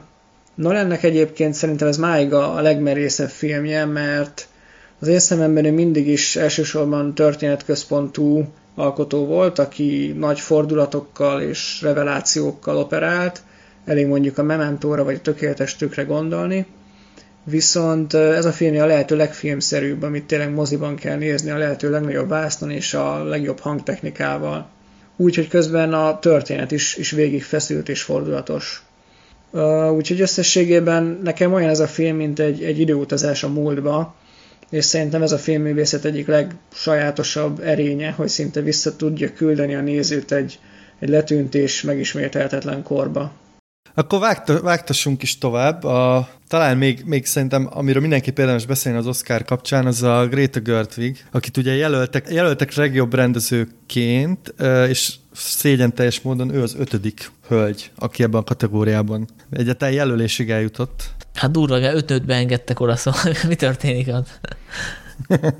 Hát konyhából is lehet ezek szerint filmet. Pedig hát tudjuk, hogy kevesebben is megelégedhetnének ugye a nők, mint a férfiak, de vagy ezt nem tudják elviselni. Nem értem, nem értem. Még. Legalább az Oscarba kevesebbet kapnak. Nem tudom, én szerettem ezt a Lady Bird című filmet, ami ugye abszolút egy ilyen saját történet, szóval ez Greta Gerwignek a gyakorlatilag az életét dolgozza fel, vagy hát a előéletét, vagy hogy mondják ezt, a kamaszkorát. Így jöttem film, ez a magyar filmművészetbe szeretik használni, ez egy klasszikus így jöttem film. Ugye Greta Gerwig a Mumblecore mozgalomból, meg ebből az, a New York ilyen indi szénából indult, és ö, szerintem ez egy nagyon kellemes ö, film. Én most nem néztem újra, mert hogy valahogy nem éreztem, hogy bármi miatt egyébként ezen túlmutatna, nem tudom, ti, ti hogy vagytok ezzel, hogy szerettétek, vagy nem? Én, én most a, a podcast kedvéért néztem meg először, és már úgy ugye, hogy már előzőleg láttam a kisasszonyokat. Kidögított eszembe, hogy, hogy azért nagyon érződik az, hogy ő azért rendezőként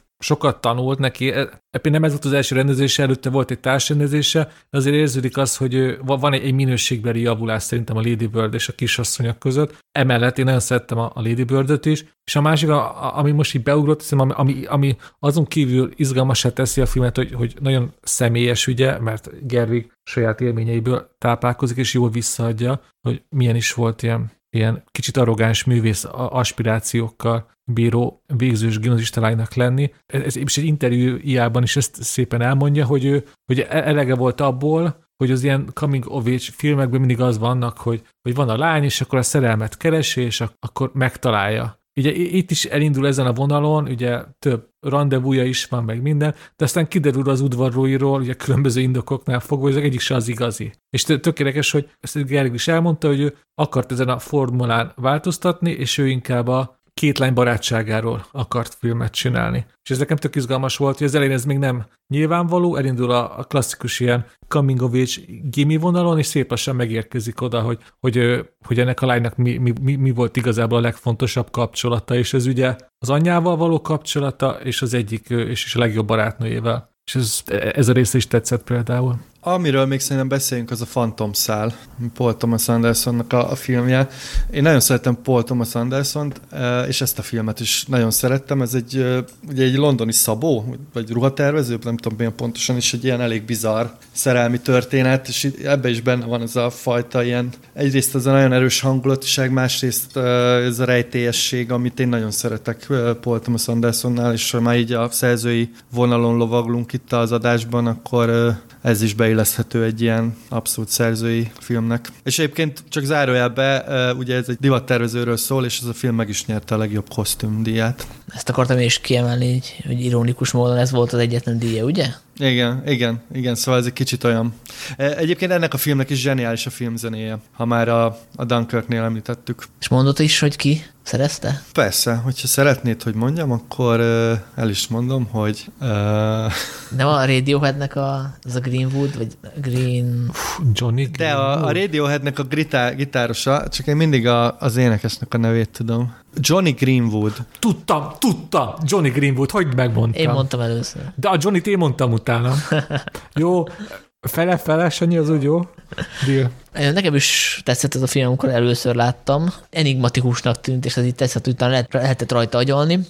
Most én újra néztem, és így másodszorra már úgy éreztem, hogy a végén picit a rendező túltolja azt a magyarázkodást. Ugye itt végig lebegtett, hogy a két főszereplő közt milyen a viszony. Egy, egy, egy idő után nyilván egyértelmű válik, mert hogy férj és feleség lesznek, de akkor se tisztázódik le, hogy akkor ez a nő, ez a fickónak egy muzsa, vagy, vagy miért van rá igazából szüksége, mert hogy nem mozognak igazából egy szinten annyira, mint a mondjuk, mint ahogy a férfi a saját nővérével, tehát hogy ők, ők megértik egymást minden szempontból, és valahogy ez a nő ilyen kívülállónak tűnik, és akkor a végén erre kapunk egy magyarázatot, hogy ők hogy tudják működtetni a kapcsolatukat. Ezt nem mondom el, mert hát valaki még nem látta a filmet, mert ez egy erős spoiler lenne, és így elsőre úgy éreztem, hogy ez tök jól levegteti, és így másodszor így fura volt látni, hogy rosszul emlékeztem, mert abszolút kimondja a film, hogy, hogy mitől működik ez a kapcsolat, hogy milyen megoldást találnak arra, hogy működjön, és szerintem jobb lett volna, hogy ezt inkább levegteti valahogy a, a, az Anderson, és nem rágja ennyire a néző szájába. Hát én majd egyszer újra nézem. Uh, valahogy nekem nem, igen, szóval én, én most nem, nem került be arra a szüklistára, hogy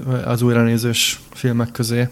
De én moziba láttam, és néha van az, hogy a mozi élményt úgy nem akarod kiradírozni, és nekem ez egy kicsit most olyan volt. Én még javasolnám, hogy akkor egy szót ejtsünk a legjobb adaptált forgatókönyvben induló Loganről, amit én azt hiszem a éves listámon talán az első helyre tettem, vagy, és én ezt így a minden idők legjobb képregényfilmeként apostrofáltam, amire ti ellenkeztetek hevesen. Ebből igen, ebben volt egy, hát hogy mondjam, egy, egy, egy, egy, egy lángoló vita volt erről, amelyik Jó, hát mondjuk el, hogy nem beszéltünk fél évig utána csak, csak az adásban. Mondjuk, ha most három közül csak én néztem újra, akkor ez most nem lesz. Én, én újra néztem. És? Én is újra néztem. Én, én továbbra is vitáznék veled, de már kevésbé hevesen. Tényleg attól hogy mihez viszonyítjuk. Ez tényleg ott van a, nem tudom, az elmúlt tíz év legjobb szuperhős filmeik között, de például én a Wonder Woman-t még mindig jobban szeretem. Nekem az volt a nagy kérdés, hogy amikor így másodszorra újra néztem, hogy működik-e akkor is, ha mondjuk az ember kevésbé ismeri az X-Men mitológiát. Tehát én ezt próbáltam elképzelni, hogy, hogy beleképzelni magam egy olyan néző helyébe, aki, aki úgy nézi, hogy nincs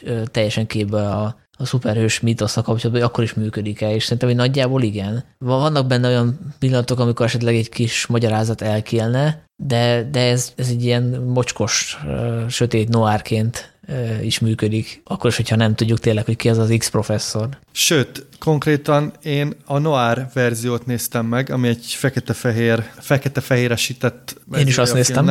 Na, hát akkor. És én még annyira, annyira haladó vagyok, hogy most azóta megnéztem a, nem olyan régen a Shane című filmet, ami többször előkerül a filmben, és én e, inkább westernnek nevezném ezt a filmet, Sanyi, mint Noárnak, mert hogy itt tényleg arról van szó, hogy a, az ilyen levitézlet hős még egyszer utoljára összekapja magát, és hát szóval tényleg ez a kiábrándultság nekem nagyon, nagyon tetszett ebben a filmben, hogy, hogy ez a, ugye ez illik is a rozsomák, vagy Wolverine karakteréhez, de itt tényleg ez a, ez a cél találni újra, és akkor még egyszer összeszedni magad, ez szerintem egy ilyen szuperhős filmektől függetlenül is működik. De azt tetszett talán a legjobban a film, hogyha leveszed erről az egészről ezt a szuperhős mitológiát, meg, meg egy-két szuper képességet így kihagysz belőle, ez a film szerintem akkor is megállna a, lábán. És ez egy nagyon jó dolog. És egyébként az jutott eszembe közben, hogy, hogy mennyire sokat emlegettük egy időben, hogy várjuk, hogy mikor lesz végre nagykorú a szuperhős film, meg mikor lesz uh, igazán komoly, meg hogy vajon lehet-e a szuperhős filmben ilyen tényleg ilyen minőséget, meg művészetet. És az azóta se történt meg szerintem, sőt, mintha egyre távolabb kerülnénk tőle, de ez a film így közel jár ehhez, és nekem másodjára sokkal jobban tetszett.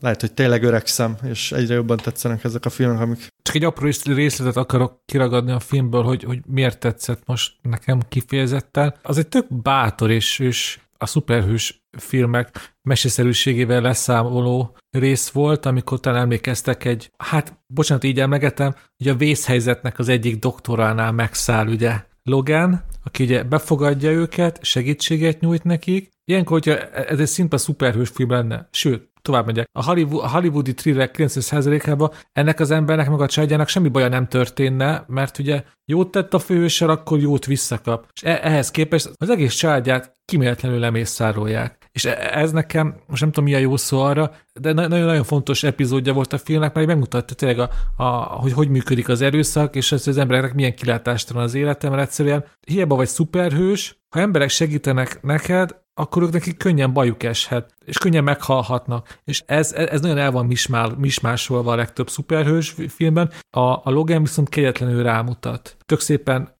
végigviszi a sém mítoszát, hogy a fegyverhordozóra csak addig van szükség, amíg harcolni kell a békért, utána ugye szükségtelné válik, ugye Westernbe ellovagol, itt meghal, ez nagyon szépen végig van véve, ez nekem nagyon tetszett, és a legfontosabb szerintem, hogy, hogy ez a film, ez tényleg egy olyan értelemben hiba a rendszerben, hogy, hogy, hogy nagyon, nagyon ritkán készülhet ilyen, mert az egészek úgy mentek neki, hogy ez a szuperhős meghal a végén. Én szerintem, szerintem egy stúdió egy ilyet bevállaljon, az egy nagyon szép gesztus. Ugye ez kellett Hugh Jackman, és ezt a filmet nagyon meg kell becsülni. És ő, hát én köszönöm, Sanyi, hogy, hogy azért emlegetted ezt a filmet, mert nekem, nekem szerintem kellett ez a második megnézés ahhoz, hogy, hogy, hogy tényleg a helyén tudja kezelni ezt a filmet. Köszönöm szépen. Ez egy, ez egy kifejezetten jó szuperhős film, és bárcsak még készülnének ilyenek. Hát igen, Sanyi, te több, több lovat is futtattál itt párhuzamosan. Igen, talán ezt a hallgatóknak érdemes tudni, hogy ennek az adásnak úgy indultunk neki, hogy a Sanyi már elég hamar bejelentette, hogy a logan fogja hozni, én meg is néztem, és aztán kijelentett, és aztán változtatott, és egy másik címet mondott, amit most nem fogok elárulni, de én addigra már újra néztem a Logent, és hát nem bántam meg, mint ahogy most ez a hosszúra nyúlt monológomból kiderült. Hát ez volt direkt a trükk, hogy így kényszerítserek rá. Én annyira hittem Sanyinak, hogy még a Logan Lakit is megnéztem. Véletlenül? De ha már éppen ott tartunk, én a Logan Lakit is újra néztem a podcast kedvéért. Az Oderberg, ugye? Igen, igen. Most ugye ez most elég hülyén, elég hülyén került elő ez a film, de hogy mondjam el, hogy, hogy ez az év egyik legszórakoztatóbb film. Ez tök vicces, hogy én arra a film azért elég sokat kéne engem, nem tudom, kínozni, hogy én ezt egy jó filmnek nevezzem, de hogy szórakoztató, hogy, hogy lehet rajta röhögni, meg elleni rajta, azt mindenképp vallom, és ugye most láttam másodszorra, és rájöttem rá, hogy ez tényleg nem is tudom, egy, úgy kéne ezt a filmet egyszer megnézem, hogy ilyen jó zsíros marhasztéket megsütök a hátsó kertben, azt bezabálom, és utána két-három sörrel leülök, és úgy végignézem, és akkor tudnám igazából szerintem elkapni ennek. Nem akkor aludnál el? Mert ugye, csak hogy aki esetleg nem látta, azoknak mondom, hogy ezek ilyen, ilyen, ilyen West Virginiai, ilyen tényleg ilyen bányákból szökött sudribunkokról szól, akik elhiszik, hogy ki tudnak rabolni egy autóversenynek a, a pénztárát, és ebből szerintem egy, ezt inkább tőletek kérdezem, mert én magam sem tudok. Szerintetek Soderberg gunt űz ezekből az emberekből, vagy... Nem. Nem. nem. Jó. Szerintem nem. Szerintem ez egy ilyen, ilyen nagyon kedvesen, kedvesen ábrázolja azért őket, szóval nyilván ezek ilyen vidéki taplók, de azért mindegyiknek van ilyen nagyon szerethető oldala. És hát végül is összehozzák a nagy helyzetet, tehát azért... Ez mondjuk igaz. Én, én is nagyon szeretem ezt a filmet, amúgy én is megnéztem most. Hát figyelj, Dénes, akkor megbeszéljük, hogy eh, leutazunk a lava vidékre, eh, mondjuk Borsodba, eh, egy kukán meggyújtunk egy ilyen rácson néhány húszszeletet, és megnézzük ezt a filmet. És közben ilyen részegen arról beszélgetünk, hogy, hogy hogyan raboljuk ki a kazinbarcikai takarékpénztárat. Azt hiszem, az így illene ez az egészhez. Hát vagy a lóversenypályát Pesten. Még jobb, még jobb. És ha esetleg ez még nem hozta meg a kedvét a hallgatóknak, csak még egy dolog, ami, én megint ugye most láttam másodszor, Kizárt, már, hogy ezek után. Már, már, már, már, nem, volt, nem volt meglepő, de a, ami tényleg Daniel Craig művel ebbe a filmbe, az fenomenális. Egyrészt, hogy engedte, hogy szőkére befessék a haját, másrészt amilyen a hangsúlyozást felvett, meg hogy így nem szőke magát. Hát nem, nem hidrogén szőke, szőke szóval azért nem, nem ilyen hidrogén szőke, mint ami a filmben van. Fantasztikus ez az ember. Hát igen, mert menekülne a bonttól. Na jó, igen, vágtassunk tovább. Igen, mert hogy közeledik a kiárási korlátozás Dénes számára. Úgyhogy én még gyorsan említenék címet az Oscar kapcsán, tehát tényleg csak azért, hogy utána reklamálhassa senki, hogy nem hangzott el, hogy a, például az Én Tonya az több díjat is kapott, vagy, vagy csak egyet? A legjobb női mellékszereplő. Egyet kapott, igen. én úgy tudom. Viszont nyilván a Margot Robbie is jelölték a főszerepért, és szerintem ez egy nagyon kellemes életrajzi film. Én úgy tudom, hogy megkérdőjelezhető a hitelessége helyenként, ugye ez a Tonya Harding gyors korcsolyázóval kapcsolatos, illetve nem gyors műkorcsolyázóval kapcsolatos uh, sztori, és hogy hát itt voltak viták, hogy mennyire hiteles, de, de szerintem valami szórakoztató, tehát ez a, ez a jégkorong filmnek, jégkorong filmek Wall Street farkasa, ahogy akkoriban is megfog. Műkorcsolya. Sanyi. Tudom, hogy jég, de azért nem mindegy, hogy... Igen, hát az egyik oldal szemszögét mondja el, de szerintem is rohadt szórakoztató. Még akkor emeljünk ki még egyet, bocsánat, akkor már a szórakoztató... Egy, csak gyors, egy összetett mondatot, ami szerintem talán vicces is lehet a Margot Robbie-ról. Ugye újra néztem a három órás plakátot, és feltűnik benne egy fiatal nő először csak a háttérben, és akkor felkiáltottam magam, hogy úristen, ebbe a filmbe szerepel Margot Robbie, az hogy lehet? De hát akkor már sztár volt. És aztán a, a, a film után megnéztem mobilomon, és a, azt a tipikus hibát követtem el, hogy összetévesztettem Margot Robbie-t ő Samara weaving aki ugye szerepel a három órás plakátban, és akkor ugye még nagyon a karrierje elején volt. Ezt csak azért mondom el, hogy ezt a hibát másnak kövesse. De az a két nő... Számodra két nő minden ausztrál nagyon... egyforma. Persze, igen, mert hát igazából... Te ilyen fehér rasszista vagy. Hát Nem vagyok rasszista, csak ugye az összes Ausztrál attól a 30 fegyenctől származik, akiket ott a hajóra leraktak. De, de a viccet félretéve azért Robi és Weaving eléggé hasonlít egymásra. Hát azért szerintem annyira nem. Hát mondjuk szőkék meg kék szemek ennyi, de akkor minden árja hasonlít rájuk. Na jó, ha már szórakoztató filmek meg Oscar, akkor még említsük meg a Big Sick című filmet, amit jelöltek legjobb eredeti forgatókönyvre. Azért akarom ezt a címet csak így megemlíteni, mert hogy olyan ritka a jó vígjáték szerintem manapság. Van magyar címe is, csak mondom, hogy rögtönzött szerelem. Kár, nem a nagy betegség. Ha, ha magyar címen fut, akkor lehet, hogy soha nem nézem meg, de ezt mindenkinek ajánlom. Nagyon kedves kis romantikus vígjáték talán ez a... Igen, a Kumail Nanjiani elmeséli, hogyan ismerkedett meg a, a, a feleségével. Az első randi után nem sokkal kómába esett a nő, és, és mégis lett valami a kapcsolatban. a randi. Én ezt láttam. Aha, igen. Hát, én nem, nem, csak ez tök vicces, hogy ez így, veletek nem volt ilyen, hogy egy filmről csak időközben jöttök rá, hogy már láttátok? Most most a kóma miatt jutott eszem, hogy ezt már láttam. Mm. De ez talán annyira nem pontos a műsor szempontjából.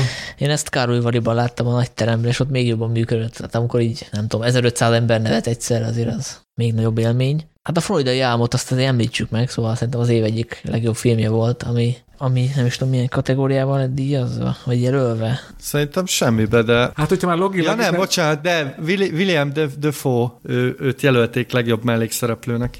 Igen, igen. Szóval ez egy ilyen tök jó, ilyen amatőr, félig amatőr szereplőkkel forgatott történet, egy, egy ilyen lepusztult lakóparkban élő emberekről, főleg a gyerekekre koncentrálva, és azt hiszem a, a rendező előző filmjéről beszéltünk a, a Tangerine-ről, amit uh, ugye iPhone-nal forgatott. Hát igen, igen. És ezt szerintem ez talán még jobb film. Szerintem ez egy jobb film, és ez is izgalmas nagyon vizuálisan. És van ez a vonulat szerintem, a, így ez a Rosdaövi Amerika, mondjuk ezt Floridában játszok, de ezek is ilyen nagyon csóró emberek.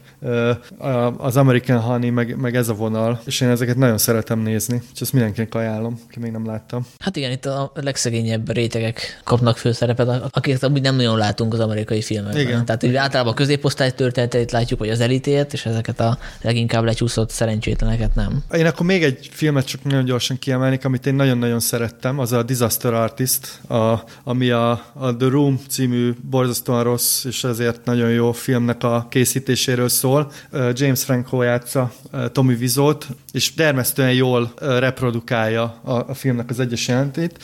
Azért emelem ki ezt a filmet, mert a, az a, a könyv, amiből készült, az szintén nagyon-nagyon szuper. Azt hiszem, hogy magyarul még nem hozzáférhető. A, a, az a címe egyébként, hogy The Disaster Artist. Aki, aki szeret ilyen forgatásokról olvasni, meg ilyen rossz filmekről, annak mindenképpen ajánlom, mert ez egy ilyen memoár, és ilyen hihetetlen, hihetetlen dolgok vannak benne, és borzasztóan szórakoztató, ahogy a film is.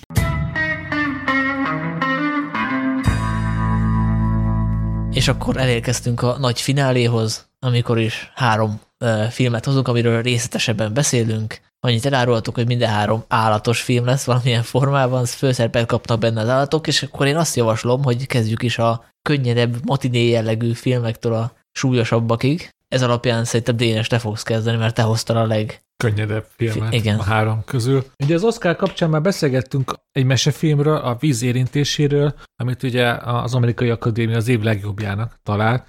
Hát én most kapásból tudok egy másik mesefilmet mondani, ami szerintem sokkal izgalmasabb, sokkal rétegzettebb és sokkal időtállóbb, mint a víz érintése. Ez a Paddington 2. Amit én már többször láttam, ahogy az első részt is, és szinte mindig a, az unokahúgommal és az unokaöcsémmel néztem meg őket, akik most ilyen pillanatban 13 és 14 évesek, és mindig-mindig nagyon-nagyon szerettük ezt a filmeket, és a, a Paddington 2, miatt még belemennék a történetbe, szerintem annyival jobb, mint az első rész, hogy van benne egy Hugh Grant. Na, aki esetleg nem lenne tisztában, hogy most arról, hogy miről beszélek, ez egy amazóniai őse esőerdőben felnőtt mackóról szól, aki átkerül Londonba, és kénytelen beletanulni egy teljesen más civilizáció értékrendjébe. Ez nagyjából az első részben megtörténik, és a másik részben már egy olyan mackóval találkozunk, aki nagyjából már érti a, a londoni éles stílust, de azért még bőven van mit tanulnia. A történetről pedig szinte hát annyit talán érdemes el,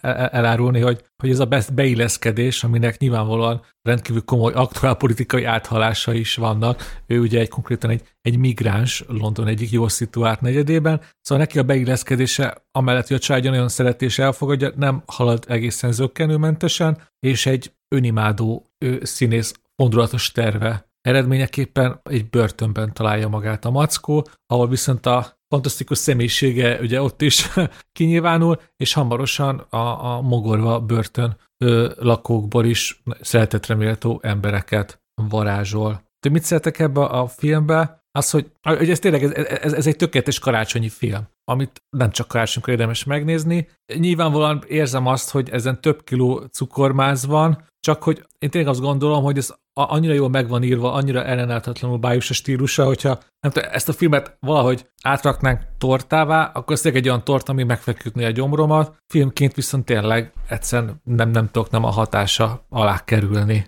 És még két dolgot írtam fel, hogy tényleg karácsonyi film, ami a részleteiben is tökéletes, és itt arra gondolok, hogy ugye újból és újból kalamajkákba keveredik a mackó, és most csak így gondolkoztam a film, és így eszembe jutnak ilyen, ilyen apró akció szekvenciák, és tényleg annyi kreativitás, annyi ötlet szorul már abban is, hogy például elmegy Borbénak a mackó, és akkor egyre nagyobb ö, bajba kerül, és a végén már ott pörög a lámpa tetén, és egy ilyen kötélre van ráakasztva, és ez annyira na, na, na, nagyon gyönyörű apró ötletekből épülnek föl ezek a gegek, és ez, ez minden pillanatában látvá, látszik, és az, hogy részleteiben tökéletes, ez az egészre is vonatkozik, olyan, olyan értelemben, hogy ez ilyen, ilyen, ilyen tökéletes magába záródó forgatókönyv, ami, hogy az elején elhangzik valami aprócska információ, mint például a Paddington pótanya szeret úszni, annak másfél óra múlva tök nagy jelentősége lesz. És itt tök jó filmbe egy összekötni a dolgokat, ezeket a kis apróságokat, ami teljesen ellentétes azzal, ahogy a élet működik, de ezt a film az első pillanatában nyilvánvalóan teszi, hogy ez egy ilyen bájos játékvilágban játszódik. De ami... eset, bocsánat, ez a legelső hollywoodi forgatókönyvű szabálya, foreshadowing, hogy be kell vezetni. Oké, okay, de itt minden, de hogy megfigyel, itt a leg, minden, a legapróbb dolgokra is mind-mind vissza vannak. Ilyen hatalmas ilyen, ilyen vonalak fúzódnak ebbe az egész labirintusba, ami a Paddington, és egy gyönyörűen egészben tökéletesen van zárva. És ez, ez nekem, nekem ez egy kiemelkedő volt. Nyilván valami te mondasz, az így van, hogy, hogy ezzel nem a spanyol viaszt találták fel, hanem csak felpörgették a maximumra. És hát ahogy mondtam, hogy ez nem, ez nem a valóságról szól, hanem arról, hogy ezt az ember megnézi, és én tényleg azt érzem magamon is, meg azt láttam a, a, a, unokahúgomon, unokölcsémben, hogy az ember egyszerűen többet mosolyog, utána valahogy így ilyen, ilyen több bizalma lesz a, az ember társai iránt. És tényleg azt írtam fel magamnak, hogy, hogy ez egy nagyon gejlül hangzik, de hogyha ezt nagyon sok ember megnézi, akkor már még ilyen hatása is lehet, hogy nagyobb bizalommal fordulunk a másik felé, mert éppen ez a fő üzenete a filmnek, ugye, hogy van egy migráns mackó, akit fogadjunk el, és akkor ezt szépen átvezethetjük a saját életünkbe, hogy fogadjuk el a medvéket. Ugye ez a film az, ami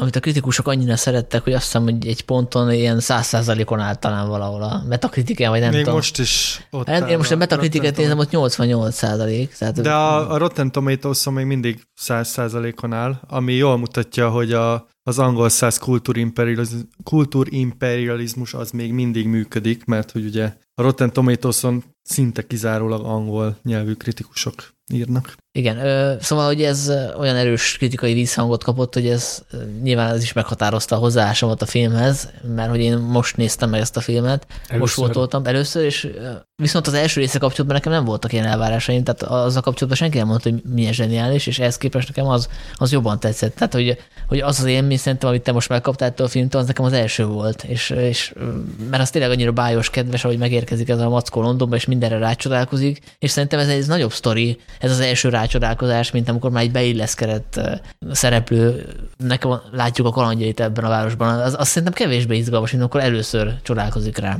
Oké, okay, meg lehetett volna csinálni gyengében is az első rész, hogy akkor az a, ez a rácsodálkozós rész nem működik, és a másodikban meg jobban működik, amikor már beilleszked, de szerintem ugyanolyan jól működik az első rész is. De mivel ez a szituáció nekem izgalmasabb, ez, ez, ez sokkal jobban tetszett az első rész. Tehát, és amiket mondtál, ezek a ö, vicces jelenetek, amikor ö, ilyen kvázi ilyen bőrlegszerűen igen, minden törz abban is megvan a fürdőszopás jelenet, ugye a legelső részben szerintem zseniális. Vagy amikor ugye először találkozik ezzel a családdal a pályaudvaron, az, az is egy olyan érzelmes jelenet, és én nem, nem éreztem úgy, hogy bármit is hozzáadott volna ez a második rész. Tehát, hogy ez, ez a tipikus folytatás, hogy látványosabb, fordulatosabb, több a csavar, nagyobb a tét, de ettől nem lesz jobb a film. És van egy Hugh Grantünk, aki teljesen újból feltalálja magát, ugye hát kon- konkrétan bolondot csinál magából, és az összes öntetszegő színészből, és hogyha már ráveszünk ezt a ezt a szép, progresszív, liberális politikai üzenetet, amit ugye a film azért elég egyértelműen sugároz magából, akkor Hugh Grant, ő, ő, ő, ő a populista a filmben, aki ugye mindenkinek elmondja, amit ő szeretne hallani, és eljátsza itt az öntetszegő vezetőt. Ez is, szóval, igazából ezt nem is azért mondom, hogy ettől ez olyan nagyon-nagyon jó a film, hanem talán ez is lehet az oka annak, amit a, amire Zoli célzott, hogy a kritikusok miért annyira ilyenezték ezt a filmet Nagy-Britanniába, mert Hugh Grant azért ott valamire nagyon rátapintott az, az angol elit viselkedésére. Az első részben meg Nicole Kidman szerepe, és szerintem ő se rosszabb, tehát hogy ő is eléggé élvezi ezt a szerepet, Rubicko a gonosz szerepével, ugyanúgy, mint Hugh Grant. Hát biztos, hogy vannak ebben a filmben ilyen brexites áthallások, mert ugye ez akkoriban készült. Nekem, én pont ebből a filmből ezt a zsenialitást hiányolom, amit te, Dénes, elvileg tetten élsz. Ez a film egy csomó régi műfajt, meg ilyen klasszikust megidéz. Szerintem erősen Wes Andersonos is a, a stílusa, szóval azért őt felírhatták volna nyugodtan a stáblistára, mint ilyen inspiring valaki. Bocsánat, főleg a börtönös része, csak egy konkrét példát mondjuk, tehát az, a, az amit a Grand Budapest Hotelből lett volna kivéve, nem? De abszolút, nekem pont, pont ez jutott eszembe, az a börtönös rész, az, az még többször úgy is van filmezve, ugyanazok a kameramozgások vannak. Ez a vertikális, horizontális, a megbontott uh, cucc, de nekem eszembe jutott egy-két helyen a, a Róka úr is. A, na mindegy, szóval azért ebbe, ebbe én nem látom ezt a nagy áttörő újító zsenialitást. Ami a, a másik dolog, amit én ebből a filmből hiányoltam, az a, a bizonyos plusz, ami miatt nekem ezt a filmet így egy ilyen listára kéne tenni, vagy, vagy így az év legjobbjai között kéne emlegetni, mert ez egy nagyon kedves mesefilm, én ezzel egyetértek veled. Nagyon jó megnézni, meg kellemes, meg így el vagy rajta, de hogy nem látom benne azt a pluszt, ami miatt én ezt a, a filmet valahogy kiemelném. Viszont rengeteg más mesefilm van, meg van plusz, és például csak ebből az évből mondanám neked az Okja, vagy Okcsa című dél-koreai filmet, ami szintén egy nagyon kedves mesefilm, szintén egy kedves állattal a főszerepben, mégis sokkal izgalmasabb, mint egy ilyen nagyon jól lepolírozott, tökéletesen megvalósított valami. Úgyhogy én ezért nem tudtam annyira lelkesedni, de ugyanaz van velem is, mint Sanyi veled, hogy most annyira felhájpolták a kritikusok is, meg te is ezt a filmet, hogy, hogy nyilván egy kicsit, kicsit úgy néztem, hogy, hogy akkor ennek valami nagyon különlegeset kell nyújtani, és én ezt nem kaptam meg, amellett, hogy tényleg jól szórakoztam, és Hugh Grant mellett még kiemelném a, Glendon, most gyorsan akartam mondani. Gleason? Brandon Gleason? Gleason Brandon Gleason, aki, aki szintén nagyon-nagyon vicces. Igen, csak hogy, a, hogy elhelyezzük a, az én rajongásomat ebbe a koordinátorrendszerbe, én szerintem középúton vagyok köztetek és az angol száz kritikusok között, akik tényleg több ilyen mérvadó brit sajtótermék az évtized legjobbjai közé berakta a Paddington 2-t. Azért én, ebben már én is érzem a túlzást, másrészt azt, hogy, hogy egy angolnak nyilván többet ad ez a film, mint nekem, mert ugye ez az ő kultúrájuknak egy ilyen masnival átkötött összessége ez a film többek között. De pontosan, szóval ebben a filmben azért van egy nagy adag városmarketing is, meg, meg így a britségnek a Ja, persze, teljesen. Re- reklámja, szóval persze a narancslekvártól kezdve minden itt van. De, de éppen ez hat, most ez lehet, hogy ilyen vicces példának tűnik, csak hogy hogy hatott egy film. Ugye nálam volt a 13 éves unokahugom, megnéztük, a, a, újra néztük a Paddington 2-t, pár órával később a hűtőnbe kotorászott, és felkiált, hogy nekem is van, neked is van marmaládod, és azonnal meg akarta kóstolni. Ugye Paddington Mackónak ugye a marmalád a kedvenc étele, én is szoktam venni ilyen gyömbéres, narancsos marmaládot, amit tökre szeretek, Mondjuk az unokamónak pont nem ízlet, de ez most mellékes. De hogy tényleg az ember ilyeneket tud adni, ilyeneket jegyez meg. Azt hittem azt fogod mondani, hogy megnéztétek a filmet, és utána befogadtatok egy csílei menekült, vagy perui menekültet. az, az, az még szebb lett volna, igen, igen. Az, igen. Szegény Louisa már nem bírja ezt a feszültséget. Pár hát a Paddington 2-ről a véleményét hallgatok. nem, nem, pár év múlva meg fogja nézni a Louisa, és imádni fogja, és mert egy Paddington mackót akar majd. Igen. Ebben biztos vagyok. Még egy dolgot akartam kiemelni, hogy én is most még elcsöppenek, itt a, ilyen cukormáz leszek én is, mint maga a film, de csak a vége kapcsán az, azt akartam elmondani, hogy, hogy mekkora hatalmas szíve van ennek a filmnek, hogy, hogy a végén még a, a gonosznak is, Hugh is megbocsát. Legalábbis nekem a stáb lista közben jelenet, amikor Grant megkapja maga nagy szólóját ott a börtönbe, azt jelenti, hogy ez még ez a, ez a semmikerő fráter is igazából egy lehetőt szeretni, meg akkor nem kapná meg a végén azt a nagy magánzene számát. Ez is tökre tetszett a filmben, hogy még őt is Csak szereti. De én aztán olyanokra csodálkozol rá, ami bármelyik szabadon választott Disney filmben megtörténik. Hát de, de, de, uh, jó, de azért egy szabadon választott Disney filmben azért nincs egy ilyen, egy ennyire maximumra járatott uh, Hugh Grant önparódia. Nem baj, Dénes, megbocsátunk. Nicole Kidmannek milyen vége lett az első részben? Ez nagyon jó kérdés, én ezt nem láttam. Nem néztem újra. Ja, azt hittem, hogy nem is néztem. Azt hittem még egyáltalán. Ja, az, az milyen vicces lett volna, hogy most kiderül itt az adás végén, hogy én az első részt nem láttam. Nem, azt most a az podcast igazi nem gesztus. Újra, ilyen, ilyen, ilyen finomságokra nem emlékszem. Kedves hallgatók, most pontosan látják azt, hogy milyen egy ilyen kicsit olyan hiú, öntelt kritikus, aki egyszerűen képte mit kezdeni egy mackós filmben, mert ugye az nem elég intellektuális neki. Én most e- e- ezt, e- ezt a határt próbáltam valahogy így átlépni, me- megtörni, de hát nagyon nehéz a, a, a, a társ műsorvezetőimmel.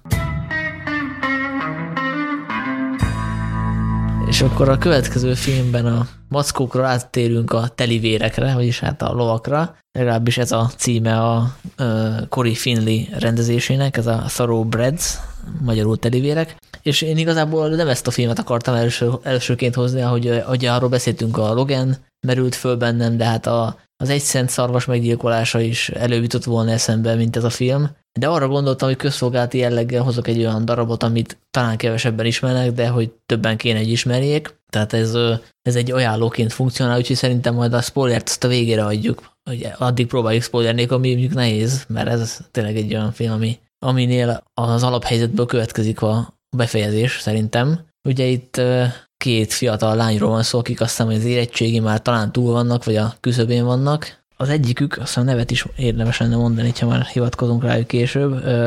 Lili, ő, azt hiszem ő a gazdagabb családból, aki a gazdagabb családból származik, ő, tipikus ilyen Ugye a amerikai gimnáziumban vannak ilyen kasztok, és hogy ő nyilván a felső kasztba tartozik, tehát a, a menő csaja a gimnáziumban, aki kicsit beképzelt, de úgy okosnak van beállítva, és hozzáérkezik a, egy régi barátnő, akivel már nincsenek jóba, Amanda, azt hiszem valami korepetálása talán, és, és közben az Amanda kitárulkozik, és elmondja, hogy ő neki igazából nincsenek érzései, és ezt már gyerekkora óta tudja, hogy kvázi nem érez semmit, és, és talán emiatt is tudnak eljutni egy beszélgetésbe olyan szintig, hogy a, hogy az Amanda fölvesse a, a Lilinek, hogy esetleg akár meg is ölhetni a, a mostó apját, ha már annyira utálja, mert ugye a, a lány elmondja, hogy nem nagyon kedveli, és hogy, és hogy ez egy ilyen kiút lehetne ebbe a szituációba, és először nyilván nem veszi komolyan, aztán, hogyha minél többet gondolkozik rajta, annál inkább hajlik erre rá, és, és elhatározzák, hogy akkor ezt a tervet végrehajtják, és megölik ezt a fickót,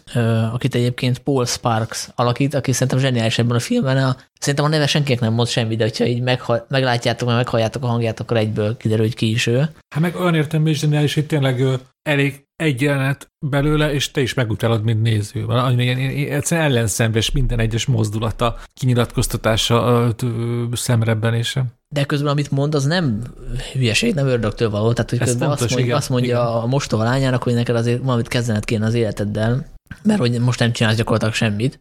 Szóval igen, tehát ez a film egy, egy ahogy veszük, akkor egy ilyen nagyon morbid, homorú vígjáték, de nézhetjük szatíraként is, krimiként is, ez kb. úgy tudom belőni, mint hogyha mondjuk így a Fargót kereszteznénk a... Tehát, hogyha mit a kereszteznénk a Chuck Palahniuk a Harcosok klubja írójának világával. Sőt, én azért még Brett Easton ellis is szerintem. Igen, meg, igen, abszolút. Az jó, az igen, jó, igen, az igen. jó analógia.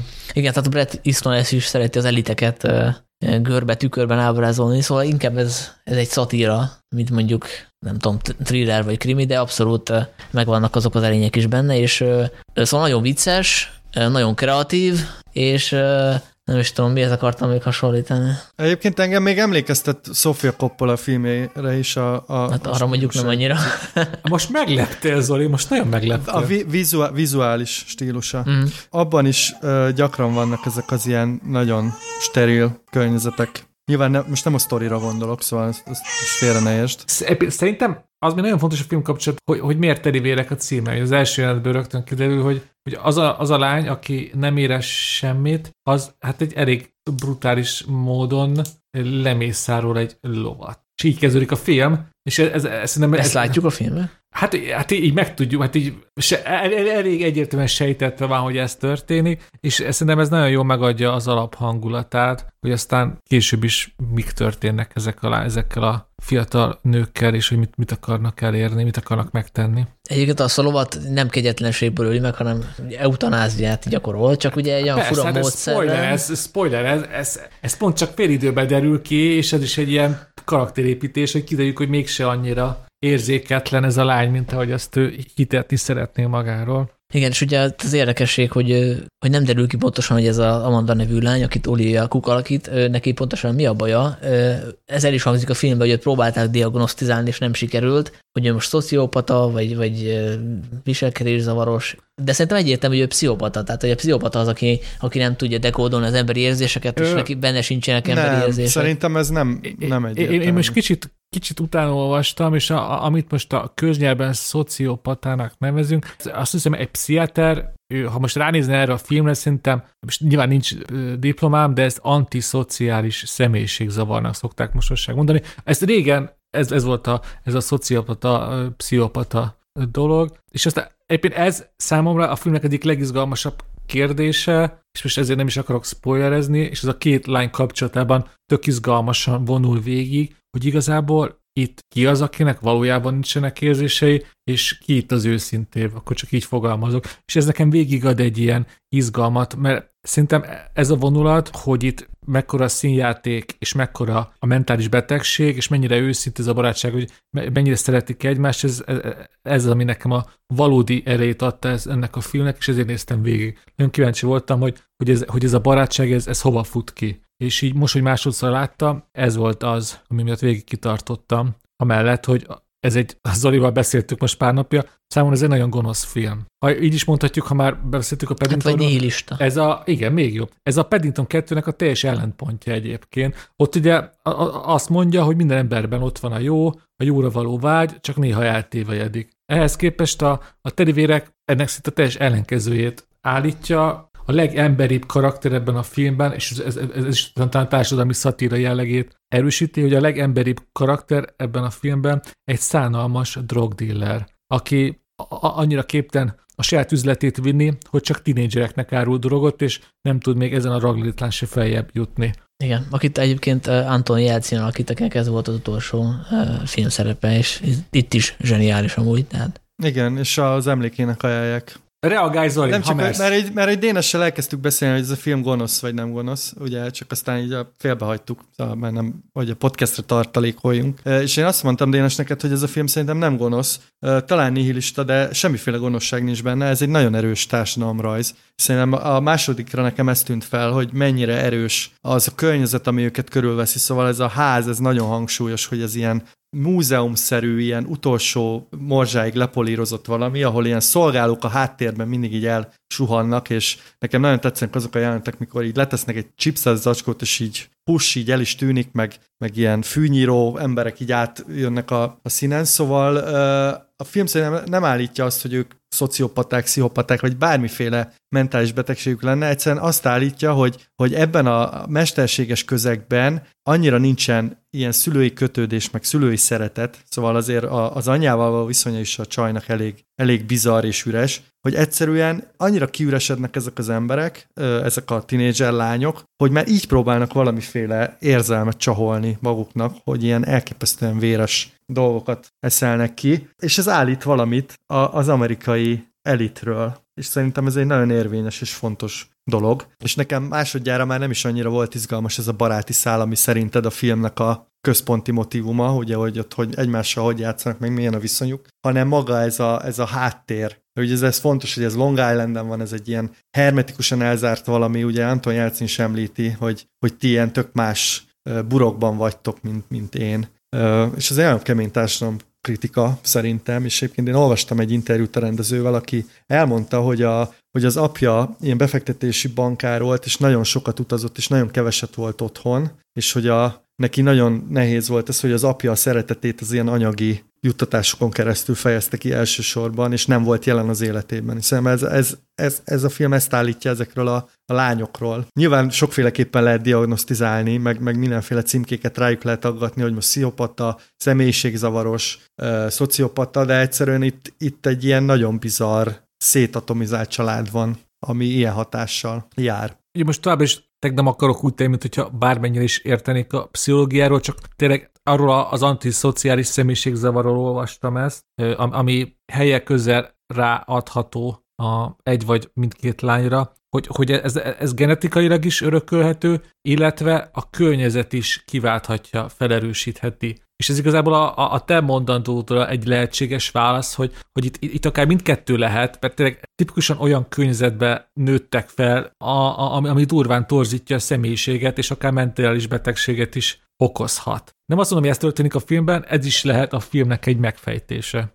Jó, akkor szerintem most lehet, hogy spoileresek leszünk pillanati, úgyhogy aki szeretné ezt kihagyni, az nézze meg a timecode-ot a leírásban, hogy mikor kezdődik a következő filmről a beszélgetés. Szóval én csak annyit akartam így konklúzióként, hogy azt is üzenheti a film akár, hogy ugye itt van egy pszichopata, szociopata, mindegy, hogy minek nevezzük, figura, és közben van egy másik, aki elvileg papíron egészséges, és ugye a film végén az derül ki, hogy ő, ő mégiscsak gonoszabb annál, aki semmit nem érez, tehát hogy, hogy ő az igazán az, aki, aki amorális, holott a másik az, akinek tanulnia kell az emberi viselkedés szabályait, meg hogy, hogy mi az a jó és mi az a rossz, és ez is egyfajta ítélet erről az elitről, hogy, hogy még egy pszichopata is emberségesebb, mint te. Mert ugye ő ráadásul még föl is áldozza saját magát azért, hogy a lány eléri a célját, hogy meggyilkolja a nevelő apját. Tehát ez egy, ez egy nagy jelenfejlődés, ha úgy veszük, hogy a, a lány, aki nem ismeri az érzéseket, azt megérti, hogy, hogy, hogy neki ezt az áldozatot most meg kell tennie a, a, a barátnője iránt, aki, aki iránt ezek szerint valamit mégiscsak érzett. Na de igen, a két fontos kérdésem, hogy akkor igazából olyan értelemben akkor mégsem szociopata, hogy akkor mégiscsak kifejlődhetnek érzései, mert a végén egy emocionális reakciót ad, és feláldozza magát. Érzések nélkül egy ember fel tudná magát áldozni? Hát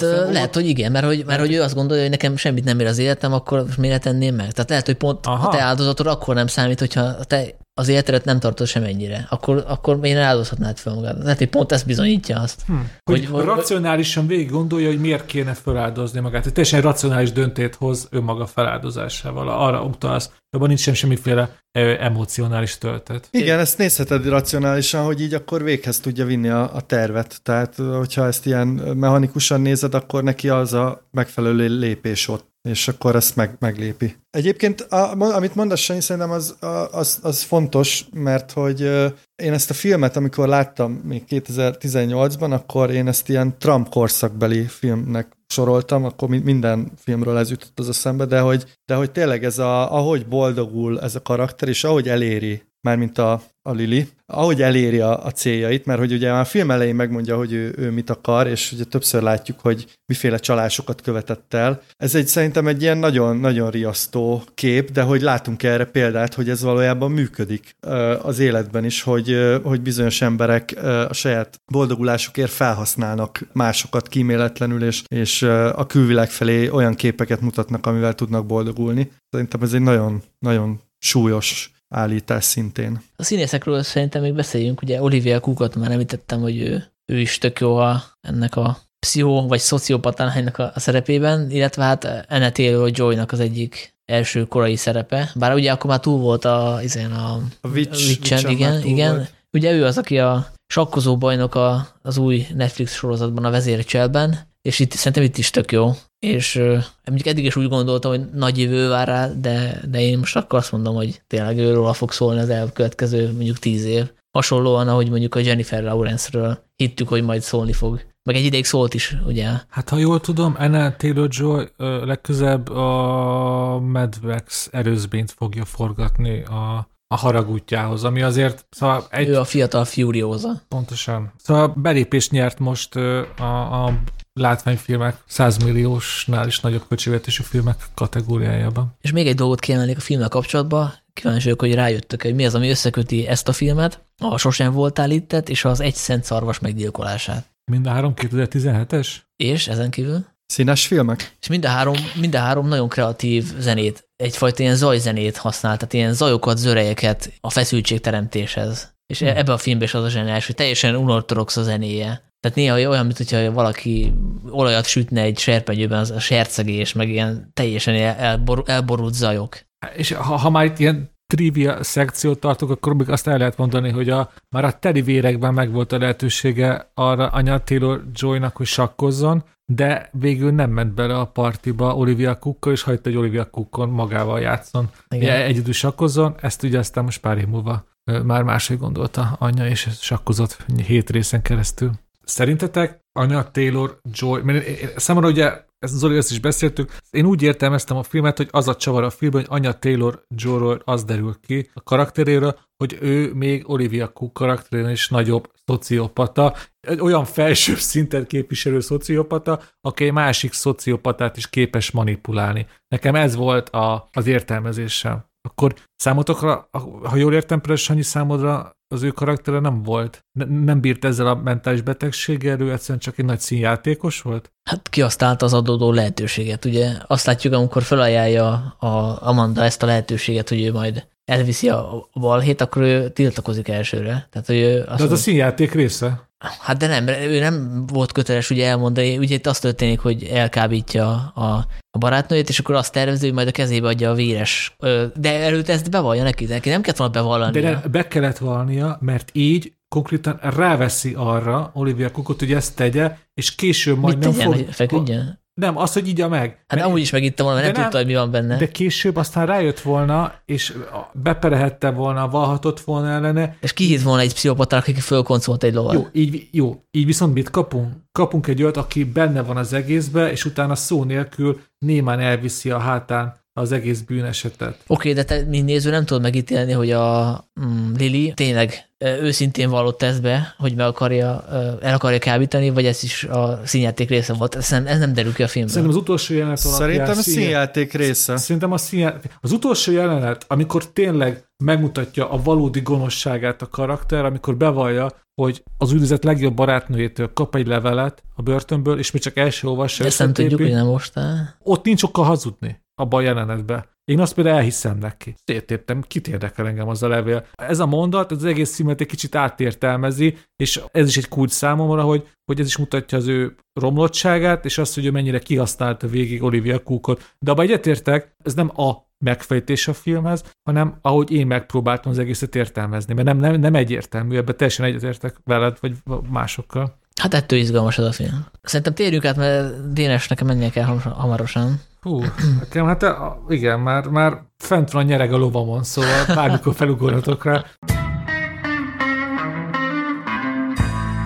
Igen, az én film, amit hoztam, az tényleg ilyen tök egyértelmű volt, hogy ezt hozom, mert nagyon-nagyon szerettem, és második nézésre sem csalódtam benne, ez a The Rider című film, ami egy rodeós srácról szól, aki egy felsérülés után próbálja kitalálni, hogy, hogy mégis uh, mi legyen vele. Uh, ugye olyan felsérülése van, hogy hogy hogyha tovább folytatja a rodeózást, akkor valószínűleg bele, belehal, és ez egy Dél-Dakotában játszódó film, ami szerintem egyszerre western, egyszerre ilyen társadalmi látkép, és egyébként egy ilyen nagyon költői hangulatú film, nagyon sok mindenről szól, és szerintem a legérdekesebb dolog benne egyrészt az, hogy a szerepeket alakítók gyakorlatilag önmagukat játszák, és a saját történeteiket mesélik el, és hogy ezt egy pekingi származású kínai rendezőnő rendezte, aki Dél-Dakotában rendezett egy filmet, ez volt a Songs Your Brother Told Me, Told, told Me,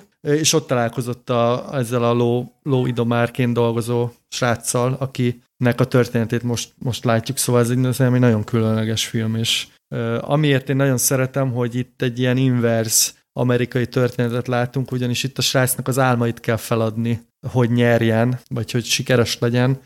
Ez szerintem ritka, ilyet azért ritkán, ritkán látunk. Dénestől szeretném kérdezni, hogy neked föltűnt a Teres Meliki párhuzam, mert ugye a rendezőnő azt mondta, hogy neki nagy inspiráció volt. Bizonyos jelenetekben ott van. Így az egész filmre ráhúzni, abba érzek némi erőltetettséget, még amellett is, hogy ez volt úgy látszik a célja a rendeződőnek, de ilyen, ilyen lovaglós, naplementében ülök a, a füves domboldon a jelenetekbe, egyértelműen ott van. De szerintem ez olyan értelemben felületes inspiráció, hogy képileg ott van, de a, a, a Meliki filozófiát már kevésbé érzem a filmben, maximum abban, abban a kapcsolatban, ahogy Brady a lovakhoz viszonyul. Abban van valami, ez ugye meddig nagyon fontos a természet és az ember összekötése. O- ott érzek valami kis, hogyha így most próbálok ilyen kapcsolódási pontokat kapni, ott van még egy medik, mert a filmek egyébként a legszebb jelenetei sokszor azok, amikor a lovakat idomítja a srác, ott tényleg nagyon erősen költővé válik az a film. Mert ugye azt látjuk, az, ugye mond, mondta az Zoli, hogy arról szól, hogy fel az álmainkat. Ez a srác pontosan tudja magáról, hogy mihez van tehetsége, az mihez ért. És az egyik ugye az lóidomítás. És a filmben is látjuk, hogy tényleg egy Isten adta tehetség ért a lovak nyelvén, de ha életben akar hosszú távon maradni, akkor ezt nem teheti meg. És ez egy, ez egy, ez egy szörnyű egy dilema,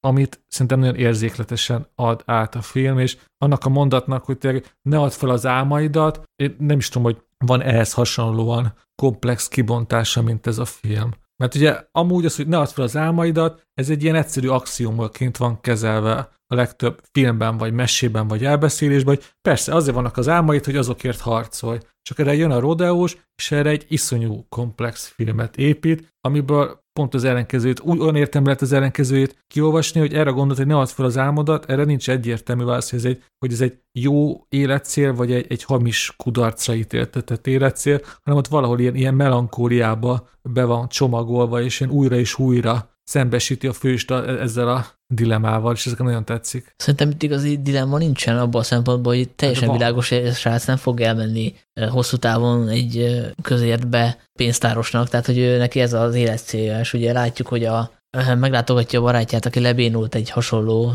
balesetben, és hogy hogy ez azt sem rettenti el igazán attól, hogy visszatérjen a, a lovakhoz. Aztán persze nyilván a végén azt látjuk, hogy még visszaretten attól, hogy Rodeon versenyezen, de én nem vagyok meggyőződve róla, hogy ez egy végleges döntés, és hogyha mondjuk nem, nem, nem épül nem fel jobban, döntés. akkor nem fog visszatérni, mert hogy itt, itt tényleg az van, hogy neki ez az egyetlen életszélja. Ő egy Nincs ketyeg, alternatíva. Hát egy ketyegő bomba, nem? Kicsit, hogy egy bármikor els ki felrobbanhat. De egyébként egy, egy dolog tartja vissza a filmben, ami tényleg igazán kötőerővel bír, ahhoz, hogy ő tényleg azt a célt szentelje, hogy ő életben maradjon, az a, az a huga. Nézd, ott van ilyen erős kötődés a huga iránt, és ott érez egy felelősségvállalást, és hogyha ugye ez a film olyan, hogy nincs egyértelmű vége, hogyha abból indulok ki, hogy mi az, ami miatt ő 20 év múlva is életben lehet, akkor egyedül a hugát tudom mondani, mint aki miatt ő életben fog maradni, és akár hosszú távon is elmegy egy közérbe pakolászni a kilós liszteket. Egyébként én ezt a filmet már megnéztem a Zoya ajánlására két éve is, mert most újra néztem, és másodszor is ugyanúgy tetszett. Csak annyit tennék hozzá annak, aki mondjuk megpróbálkozik vele, hogy azért ilyen türelem kell hozzá szerintem az elején, tehát hogy ez egy ilyen úgynevezett slow burner, tehát hogy kell egy kis idő, amíg rá, ráhangolódsz erre a világra, mert hogy itt tényleg nem történnek nagyon gyorsan a, a dolgok, meg ilyen sok meditatív jelenet van, amikor azt látjuk, hogy a, a srác a, foglalkozik a lovakkal, vagy ott a naplementében, ott a háttérben jönnek a viharok, és ő ott ott a természetben nézelődik, tehát hogy vannak ilyen üres járatnak tűnő dolgok, de amik ez nem üres járatok abból szempontból, hogy megmutatják, hogy milyen organikus kapcsolatban van ezzel a világgal. Igen, meg ez fontos, hogy ez, ez Dél-Dakota, ami egy ilyen amerikának a közepe, ilyen flyover state, és egy nagyon szegény szegény rész, és itt tényleg a, a, az a rodeo a kiemelkedés, meg, a, meg az a filmben is hangsúlyos szerepet kap, hogy a rodeónak mennyire központi szerepe van a, a fiúk életében, és a rendezőnő nagyon sok időt szán erre, hogy ezt a, és én nagyon szerettem ebbe a filmbe, hogy szinte érzed annak a lakókocsinak a, az ilyen dohos, nem tudom, ilyen izé szagát, meg, meg, meg ezt az egész tájat valahogy úgy, úgy be tudod szippantani. És nem emiatt nagyon, nagyon, nagyon érzékeny film, de nyilván aki nem szereti az ilyet, vagy, vagy lassúnak tartja, az, azt így le fogja dobni ez a ló. ja, meg hát ugye az itt a lényeg, ami, amit azért tényleg kiemelkedik ez a film, hogy magukat játszák a szereplők, és ugye a rendezőnőnél ez nem szokatlan az első film, és ilyen volt, és Hát közben volt egy kitérő, mert rendezett egy Marvel filmet, ő se tudott ellenállni ennek a szidén csábításnak, amit még ugye nem mutattak be ez az Eternals, de közben ő le is forgatta a legújabb filmét, amit most a kritikusok, szavazott 231 kritikus, hogy melyik volt az év legjobb film, és ezt a, mindjárt mondom a magyar címét, Nomadland a, az eredeti címe, a Nomádok földje, ami ugye megnyerte Velencében az Arany Oroszlánt, és most a legjobb filmnek választották, és az is hasonló stílusban készült, tehát ugye ott van egy profi főszereplő, a Frances McDormand, de az összes többi főszereplő gyakorlatilag saját magát játsza, ilyen modern, modern nomádokat alakítanak, akik átszélik Amerikát, és, és általában ez egy iszonyatosan izgalmas film, úgyhogy én ezt nagyon várom. Én is. Igen. Én is. Várjál, Zoli, te nem láttad Torontóban? Most keverek valamit? Nem, mert nem kaptam, nem kaptam akkreditációt, úgyhogy ezt nem tudtam megnézni. Nem, nem volt rá semmi jegy. Zoli, én félek, hogy túlbeszéltem arról, de most is nagyon szeretem. Ha még akarsz mondani valamit róla, hogy miért? Nem, nem, ennyi, ennyi. Hát szerintem ezt már amúgy azt hiszem valahol már amúgy is beszéltünk erről. Én, én biztos, mert ilyen, ilyen top listára előre tettem, első helyre. Érdekességnek csak annyit, hogy mi a különbsége a valóság és a fikció közt, hogy, hogy azért a főszereplő azt mondta, hogy ez ilyen 60-70 százalékban valós. Az apró eltérések közül például az egyik az, hogy ugye itt egy csonka családot látunk, tehát az édesanyja nincs benne a képbe, de amúgy él az, az anyja a főszereplőnek, ő szerepel is valami statisztaként a filmben, csak a rendezőnő úgy gondolta, hogy dramaturgiailag izgalmasabb, hogyha ha nincs a képben az anyja. Csak egy példa, miért jó egy filmet többször újra nézni. Én most, én most nagyon sokkal inkább koncentráltam a, a hugára, aki ugye, hogy mondják, ez szépen ilyen szellemileg visszamaradott, talán így szokás mondani? Nem tudom, hogy neki mi hát a probléma. autista szerintem. Autista? Szóval van, van, van, mindenképp van valami vele. Ezt most de ezen tudom színészi játéknak mondani, akkor úgy mondom, hogy, hogy fantasztikus jelenség a vászon, akkor így mondom. Őt is nagyon, nagyon érdekes volt figyelni, meg hogy ez a, ki, ahogy kialakul a, ahogy a kapcsolata épül a filmben, az amúgy valójában a testvérével. Mondjuk, hogy a testvérek, akkor most visszacsatolok, hát gondolom, ezért ilyen jó őket együtt nézni, mert ők gondolom a valóságban is ilyen közel lehetnek egymáshoz, mint ahogy ezt a film mm. mutatja. Hát meg ugye van az a srác, akit említettem, a, a barátja, aki lebénult, ő tényleg a barátja három éves korá óta ismeri, addig a legjobb barátja volt, tehát lehet, hogy most is, és hogy Ugye a közös jelenetek sem csak arról szólnak egyébként, hogy lefilmezték, hogy ők interakcióba lépnek, mert amúgy tényleg szokta látogatni, és valószínűleg ez hasonlóképpen történik, de ugye elmondta rendezőnő, hogy a, ez a lebénult srác is javasolt poénokat, tehát hogy, hogy ő hozzáadott a szerepéhez, tehát hogy alkotózásként ő is hozzájárult ez a filmhez. A srácok, nagyon jó volt veletek, de a rendőrök a nyomomban most próbálok nagyjából időben hazaérni nektek, jó, mert ez még van még szerintem film, amit ki kell beszélni 2017-ből, jó, jó dumálás nektek. Sziasztok, és persze a nézőknek is sziasztok. Hát köszönjük Dénes is. De egy kicsit csalódtam benned, hogy fontosabb a testépséghez, mint a podcast. Na, mindegy.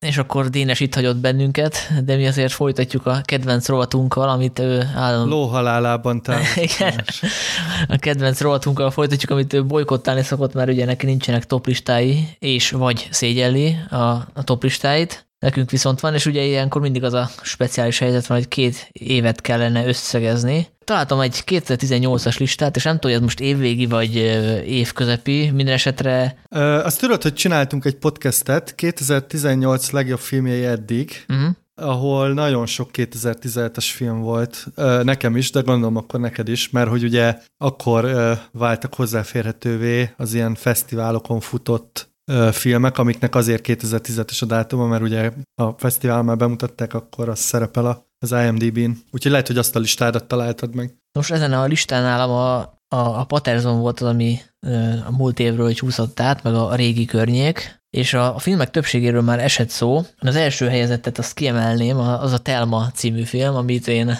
akkor oda tettem, most már nem tenném oda, egyébként továbbra is szeretem, most megnéztem újra, ez, ez most már a harmadik alkalom volt. Ez ugye a Joachim Triernek a, a filmje, aki egy norvég rendező, és ez egy, ez egy ilyen szerzői, műfai hibrid-szerűség, de inkább szerzői film. Egy fiatal lányról szól, aki, akit nagyon vallásos szellemben nevelnek a szülei, és amikor elmegy kollégiumba, akkor ráébred, hogy ő inkább, igazából a lányokat szereti, de itt egy ilyen természetfeletti csavar is van, hogy ő az elméjével képes bizonyos dolgokat létrehozni öntudatlanul, vagy eltüntetni embereket is akár, és ezt nagyon jól össze, összevonja ezt az önmegismerési folyamatot ezzel a, ezzel a felnövés történettel, Szóval ez egy, egy, szerintem egy tök szuper film, nagyon szép képek vannak benne, ami így harmadszor már kevésbé teszett, hogy a forgatókönyv annyira nincs kidolgozva. Tehát azért látszik, hogy ezt egy ilyen művészfilmes, szerzőfilmes rendező írta és rendezte, hogy, hogy a motivációkat nem teljesen tudta, főleg az utolsó harmadban kidolgozni.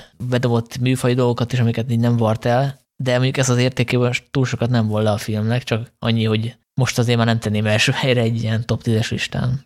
Én is szerettem ezt a filmet, mert ilyen érdekes kommentár a, a szuperhősös mániához. Engem egyébként a Kerry klasszikusra is emlékeztetett több, több ponton, és én nagyon szerettem a a képeit ennek a filmnek, most nem néztem újra, de, de így még mindig, mindig bennem vannak ilyen, ezek a klasszikus ilyen skandináv rideg, hideg, hideg képek, amik szerintem jól illettek ez a egyébként egyetlen nem hideg sztorihoz. Igen, meg vannak erős szimbólumok, állatszimbólumok benne, és lehet, hogy egy picit azért már néha túltolja, tehát amikor egy ilyen nagyon vallásos környezetben felnőtt lány azt halucinálja, hogy kígyók lepik el, meg belemásznak a szájába, az egy picit lehet, hogy már túlzás, tehát hogy ez túl egyértelmű.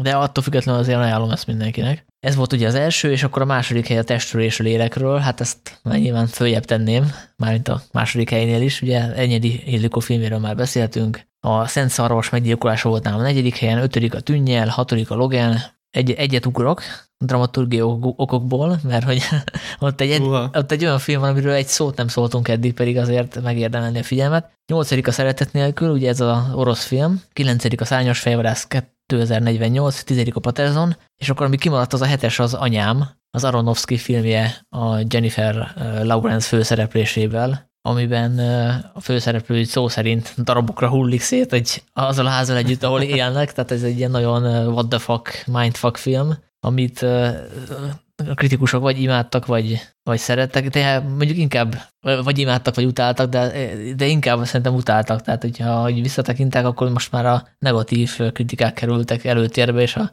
a nézők többségesen nagyon tudott vele mit kezdeni, legalábbis én emlékszem, hogy a színefesztes vetítés után a döbbent arcokra, akik ki a moziból. De én nagyon szeretem az ilyen őrült, vakmerő filmeket, amik, amik nagyon komoly kihívás elé állítják a nézőt. Te láttad ezt? Igen, én, én itt Torontóban láttam, és én nagyon szerettem, szintén ebben veled vagyok. És egyébként egy elsőre tűnik szerintem csak bonyolultnak ez a film, mert hogyha úgy leülsz és végig gondolod, akkor a, a, a szimbolika, amit használ, az teljesen következetes. Tehát ugye itt van egy ilyen tojás, ugye? Jól emlékszem? Vagy ilyen tojás? valami ilyesmi. Uh, igen, valamilyen kristályszerű. Uh-huh. Már, már lehet, hogy már én gondolom tojásnak. Uh, na mindegy, szóval, hogy így a, ezt a filmet szerintem azért így, így lehet, lehet követni. Hát a végére összeáll, az utolsó snittekkel, igen. Amikor szétesik, akkor összeáll, igen, de hogy, de hogy, hogy tényleg vizuálisan nagyon, nagyon izgalmas. Úgyhogy én is, én is a, a, a szeretők táborába tartozom, csak valahogy, igen, ez érdekes, amit mondasz már, hogy valahogy ez eltűnt így a, a listákról, meg a különböző évösszegzőkről, mert hogy tényleg ez van, hogy inkább a negatív volt túlsúlyban, és emiatt szerintem így kiesik már az emlékezetből. Akkor te listárat azt azon túl vagyunk?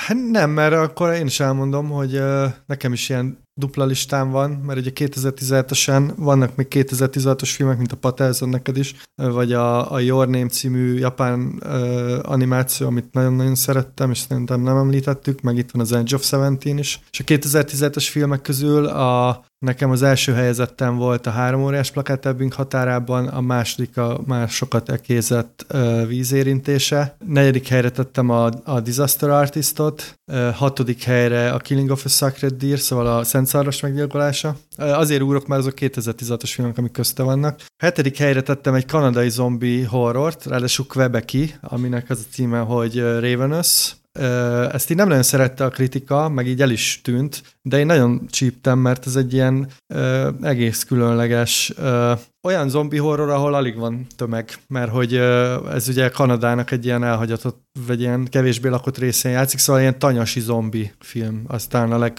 legközelebbi megfejtés hozzá, és mondjuk most már így elegem van a zombi filmekből, de, de ez egy ilyen jó műfai variáció, meg hát nyilván a, a kanadai local color miatt is szerettem. Itt van még a Big Sick, és még én feltettem az Ultra című magyar filmet, ami szintén 2017-es, a Simonyi Balázsnak a futós filmje, ami azért meglepő, mert én amúgy nem vagyok ilyen hosszú távfutó, szóval az, szeretek futni, de azért nem ilyen fanatikus módon, és ez a film, erről is beszéltünk már szem hosszabban valamelyik podcastünkben. Ez a film nyilván több, mint egy sportfilm. Tehát az, hogy ez a film elkészült szám, az is egy ilyen megsüvegelendő teljesítmény, mert ugye a rendező maga is részt vett rajta, amint ezen a versenyen, amiről szól. Plusz olyan emberi drámák vannak benne, amik szerintem abszolút átélhetőek, anélkül is, hogy te mondjuk futnál, vagy vagy sportolnál komolyabban. És akkor, akkor gyorsan előkapom a 2018-as listát, csak szeretnék három filmet kiemelni, amik 2017-esek, és szerintem muszáj pár mondatot említeni róluk, mert hogy nagyon izgalmasak. A, az egyik az a Stalin halála, ami a Armando Iannucci-nak a a filmje. Ugye erről is beszéltünk már a podcastben, és ha jól emlékszem, azt mondtad te, hogy neked annyira nem tetszett, uh-huh. mert hogy a, a téma maga az azért elég meredek, szóval itt a Stalin halálát követő megtorlások vannak feldolgozva erősen komikus formában, szóval ez egy ilyen bohózatszerű valami, kiváló színészekkel. Én ezt háromszor láttam ezt a filmet, mert nekem nagyon-nagyon tetszett, szóval én szeretem ezt a fajta humort, sőt, odáig merészkedtem, hogy a alapjául szolgáló képregényt is megvettem, de azt hiszem akkor is beszéltünk erről, hogy én először tényleg olyan környezetben láttam, itt, itt Kanadában, és itt ugye ide nagyon messze van a kommunizmus, meg a kommunizmus rémtette, és szóval itt egy teljesen ilyen szatíraként fogadta a közönség, ilyen óriási nevetésekkel, úgyhogy lehet, hogy ez is befolyásolt. Uh-huh. Újra nézem, hogy mindenképp, mert érdekel, hogy, hogy, hogy működik másodszorra. Igen, szóval a helyzet komikum szerintem nagyon jó benne, meg hát a színészek. Mm. Úgyhogy, uh, jó, akkor még egy, még egy filmet mondok, ami szerintem egy tök érdekes különlegesség, ez a Buddied című, uh, hát nem is tudom mi a, mi a műfai besorolása, talán ilyen battle rap musical vígjáték, és ez is kanadai, tehát magad felé hajlik a kezed Igen, megint. most így magam felé, igen. Hát most kb. így elmondtam, hogy miről szól. Itt uh, ilyen rap vannak, ahol uh, egymásnak beszólogatnak a, a résztvevők, és ez bonyolítja a sztorit. Szerintem egy teljesen őrült film, szóval ezt vagy szereted, vagy azonnal kikapcsolod, de mindenképpen izgalmas. És még egy filmet muszáj említenem, és Dénes most nincs itt, de hát vissza is adhatja a kritikus igazolványát, hogy ő ezt a filmet nem említette. Ez a uh, Let the Corpse Ten, aminek azt hiszem az volt a magyar igen. címe, hogy, hogy, hogy hullák a napon. Talán. Valami ilyesmi, Titanicon volt, igen. Igen, igen a Titanicon vetítették egyszer, ez a Helen Cuttett és Bruno Forzani nevű belga házaspár harmadik filmje. Ők arról nevezetesek, hogy ilyen őrült Giallo parafrázisokat rendeztek korábban. Nagyon szeretik az olasz film dicsőséges korszakait, és ez a film nekem azért nagyon nagy kedvencem, mert hogy ez erősen megidézi a spagetti westerneknek is az esztétikáját. Szóval ez egy ilyen igazi, szerintem ezt a filmet csak azok tudják értékelni, akik, akik ismerik a, a, a filmnek az előképeit, meg ezt a, ezt a fajta esztétikát. Ez egy nagyon, nagyon elborult, vizuálisan rendkívül izgalmas, és tényleg ilyen, ilyen filmrajongókat hája a kenegető valami. Én is láttam, és azt hiszem, hogy akkor nem letterboxoztam még, vagy nem írtam fel, és ezért teljesen elfelejtettem, pedig el, eléggé imádtam, és azt is terveztem, hogy megnézem a moziba, mert az azt hiszem Titanicon ment, vagy valamelyik fesztiválon kaptam belőle egy screenert, megnéztem úgy, letöltve, és utána éreztem, hogy azt azért moziba kéne látni. Igen, én, én, is, én is egy screenert láttam belőle, meg azóta megjelent Blu-ray-en, szóval én megnéztem még egyszer, de hát az nyilván egy moziban, moziban lenne az igazi. Az elképzelhető, hogy nem beszéltünk a, a First Reformedról? Ahogy te Az elképzelhető már, hogy nekem itt be van karikázva, hogy First Reform. Hát az nagyon, nagyon csúnya az év egyik legjobb filmjéről nem beszéltünk. Hát azért nem beszéltünk róla, mert ugye a, a díszezonokon mentünk végül, és ezt a filmet szerintem, hát igaztalanul, vagy, vagy lehet, hogy rosszkor, mert ugye egy csomószor van az, hogy egy filmnek a premierje miatt így ö, már túl késő az egyik évi díszezonban, de még korai a másikban. Igen. Szóval ez valahogy úgy el, eltűnt így a díszezonban, ami azért szomorú, mert hogy, ö, ja bocsánat, nem, tévedtem, mert hogy egyébként a, a forgatókönyvet azt jelölték, csak hogy 2019-ben jelölték Oscarra, nem 2018-ban. Hogy lehet? De maga maga a film az 2017-es, mégpedig azért, mert hogy Velencében mutatták be 2017-ben, de maga az amerikai forgalmazás az 2018-ban indult, és ugye elvileg az számít az Oscarra, hogy egy, hogyha egy hétig játszanak valamit moziba, akkor, akkor jelölik. Szóval, hogy a, feszti- a nagy fesztivál szereplések után ez a film 2018-ba került a mozikba, azért a 2019-es Oscar-ron szerepelt, mint legjobb eredeti forgatókönyv. De hát a szabályokhoz ragaszkodunk, tehát mi az IMDb-t veszük alapul, és ott ez 2017-es, úgyhogy igazából most kellett volna beszélni hosszabban, úgyhogy ezt most így nem is tudjuk pótolni, de emlékeim szerint erről beszéltünk a podcastben annak idején, és lehet, hogy még fogunk is, mert nekem ez az egyik legjobb élmény volt ebben az évben, vagy 2018-ban, valószínűleg 2018-ban láttam, sőt, hát akkor biztos is nyilván, hogyha eleve moziba csak akkor került, igen. Szóval ez a Paul Schradernek a filmje, ugye ő volt az, aki a taxisofőrt írta, és ez picit azért rímel rá talán. A Ethan Hawke játszik benne egy ilyen kiábrándult papot, aki, aki az egyik, majdnem azt mondtam, hogy tanítvány, az egyik, a templomának egyik látó. Nyájtag. Igen, az egyik Nem nyájtag. Tudom, ezt, hogy mondják. A gyülekezet tagja, talán ez a helyes kifejezés. A gyülekezetének egyik tagja, illetve a, a férje nagyon depresszív gondolatokkal küzd, ugye ez nincs értelme az életnek, illetve egy új életet a világra hozni, mert hogy el fog pusztulni a föld a környezetszennyezésnek köszönhetően, és ez a, a pap is ennek, ennek a gondolatnak a hatása alá kerül szép lassan, miközben a, a feleséggel, aki később özvegy lesz, kialakul egyfajta kapcsolata, és ez nekem 2018-ban is tetszett, de most, hogy így egy világjárvány közben néztem újra, még keményebb, még durvábbnak tűnt ez a, ez a pessimizmus, ami sugárzik ebből a filmből. Tehát nem tudom, hogy most ajánljam ezt a filmet, hogy most nézze valaki újra karantén közepén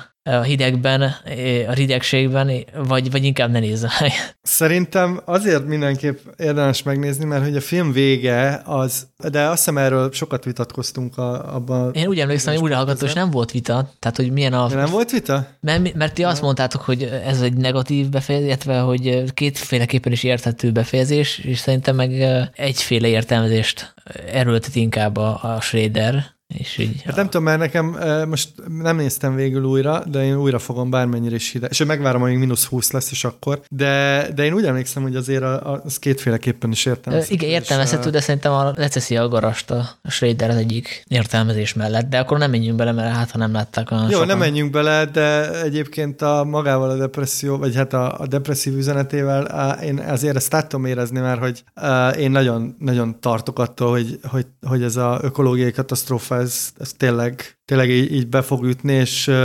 biztos olvastál ilyen elemzéseket, hogy a, a, a vírust, meg ezt az egész pandémiát jobban bírják azok, akik sok ilyen apokaliptikus filmet néznek, uh-huh. úgyhogy ez ilyen felkészülésnek jó szerintem a depresszióra. Most, most ezzel jó reklámot csináltam, egy kedved, de...